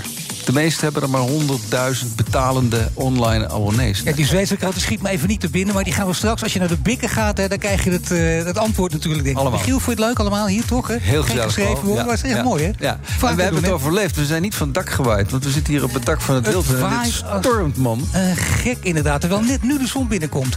Nou, iedereen hartelijk dank voor het luisteren. Fijn weekend natuurlijk. Volgende week zijn we er weer vanuit de Skylines. En toen zeggen, dan is Wilfred Geneden weer. We gaan eruit met de nieuwsbrief van Thomas Robson. Wij hopen dat onze ambitie wordt gedeeld en dat we voor de zomer een nieuw kabinet kunnen hebben. Het, het doel is natuurlijk een onmiddellijk staakt het eh, vuren. Dan kun je eigenlijk dus gewoon weer alles doen zoals voor corona. En dan denk ik aan, eh, los van D66, eh, een GroenLinks en een PvdA, VVD eh, en een CDA. Een CDA? Maar ja, de toerismesector moet op gang komen. Eh, de vakantie staat echt voor de deur. Ja, het belangrijkste is denk ik dat we echt spoed maken. Kan me niet zo goed voorstellen dat de burgemeester het Songfestival belangrijker vindt dan Feyenoord. Ik denk dat de meeste mensen in het land eh, er ook echt genoeg van hebben en denken vooruit met de guit. We hebben het gehad over eh, crisis- en herstelbeleid. eh, dat wat er nu nodig is, wat echt niet kan wachten. Dus ik kwam er vrij makkelijk in. En dat is geen enkele check. Als u wilt hebben over de hele Griekenlandvakantie. Wil ik het wel even over hebben. Ja, dat ja, doet pijn in mijn hart. Het is een songfestival gekte in Rotterdam. En het publiek dat welkom is in Rotterdam Ahoy moest zich uiteraard laten testen. Ehm, en eh, dan dus weer gesprek op de inhoud. Hè. Daar blijft ze op hameren, die, die hamer. Maar aan de andere kant kan je ook zeggen... het is 1-0 voor Max wat dat betreft. En ik was gewoon de patat aan het bakken en ik hoorde twee knallen. En ik denk, dat is geen vuurwerk, dat is schieten, dacht ik. Daarom nu een positief besluit met een veiligheidsclip. Dat mag niet. Eh, dus stappen we naar de rechter. Eh, en natuurlijk is er met regelmaat goed contact vanuit het CDA met hem. En de politie van, eh, van, van nu, eh, die, die gaat er achteraan, die stapt naar voren. Het is heel simpel. Eh, Joe Biden heeft gesproken. En laatst ook weer die 925 miljoen voor de field labs. Dat dat wel, en nu ook voor de mondkapjes. Ja, ja, maar ja. Nou ja, de dingen die ik over het algemeen het meest waardeer op de vrijdag is eh, gezellig naar de kroeg. En tegelijkertijd zegt de rekenkamer ook... eh, heel veel van die dingen zijn gebeurd in de context van corona. De problemen stapelden zich op. Ja, het belangrijkste is denk ik dat we echt spoed maken. The Friday Move wordt mede mogelijk gemaakt door TUI. Discover your Ik ben Sylvia van Solft. Betaalt u te veel huur of huurt u te veel kantoorruimte? Solft heeft de oplossing. Van werkplekadvies, huuronderhandeling tot een verbouwing, wij ontzorgen u. Kijk voor al onze diensten op soft.nl.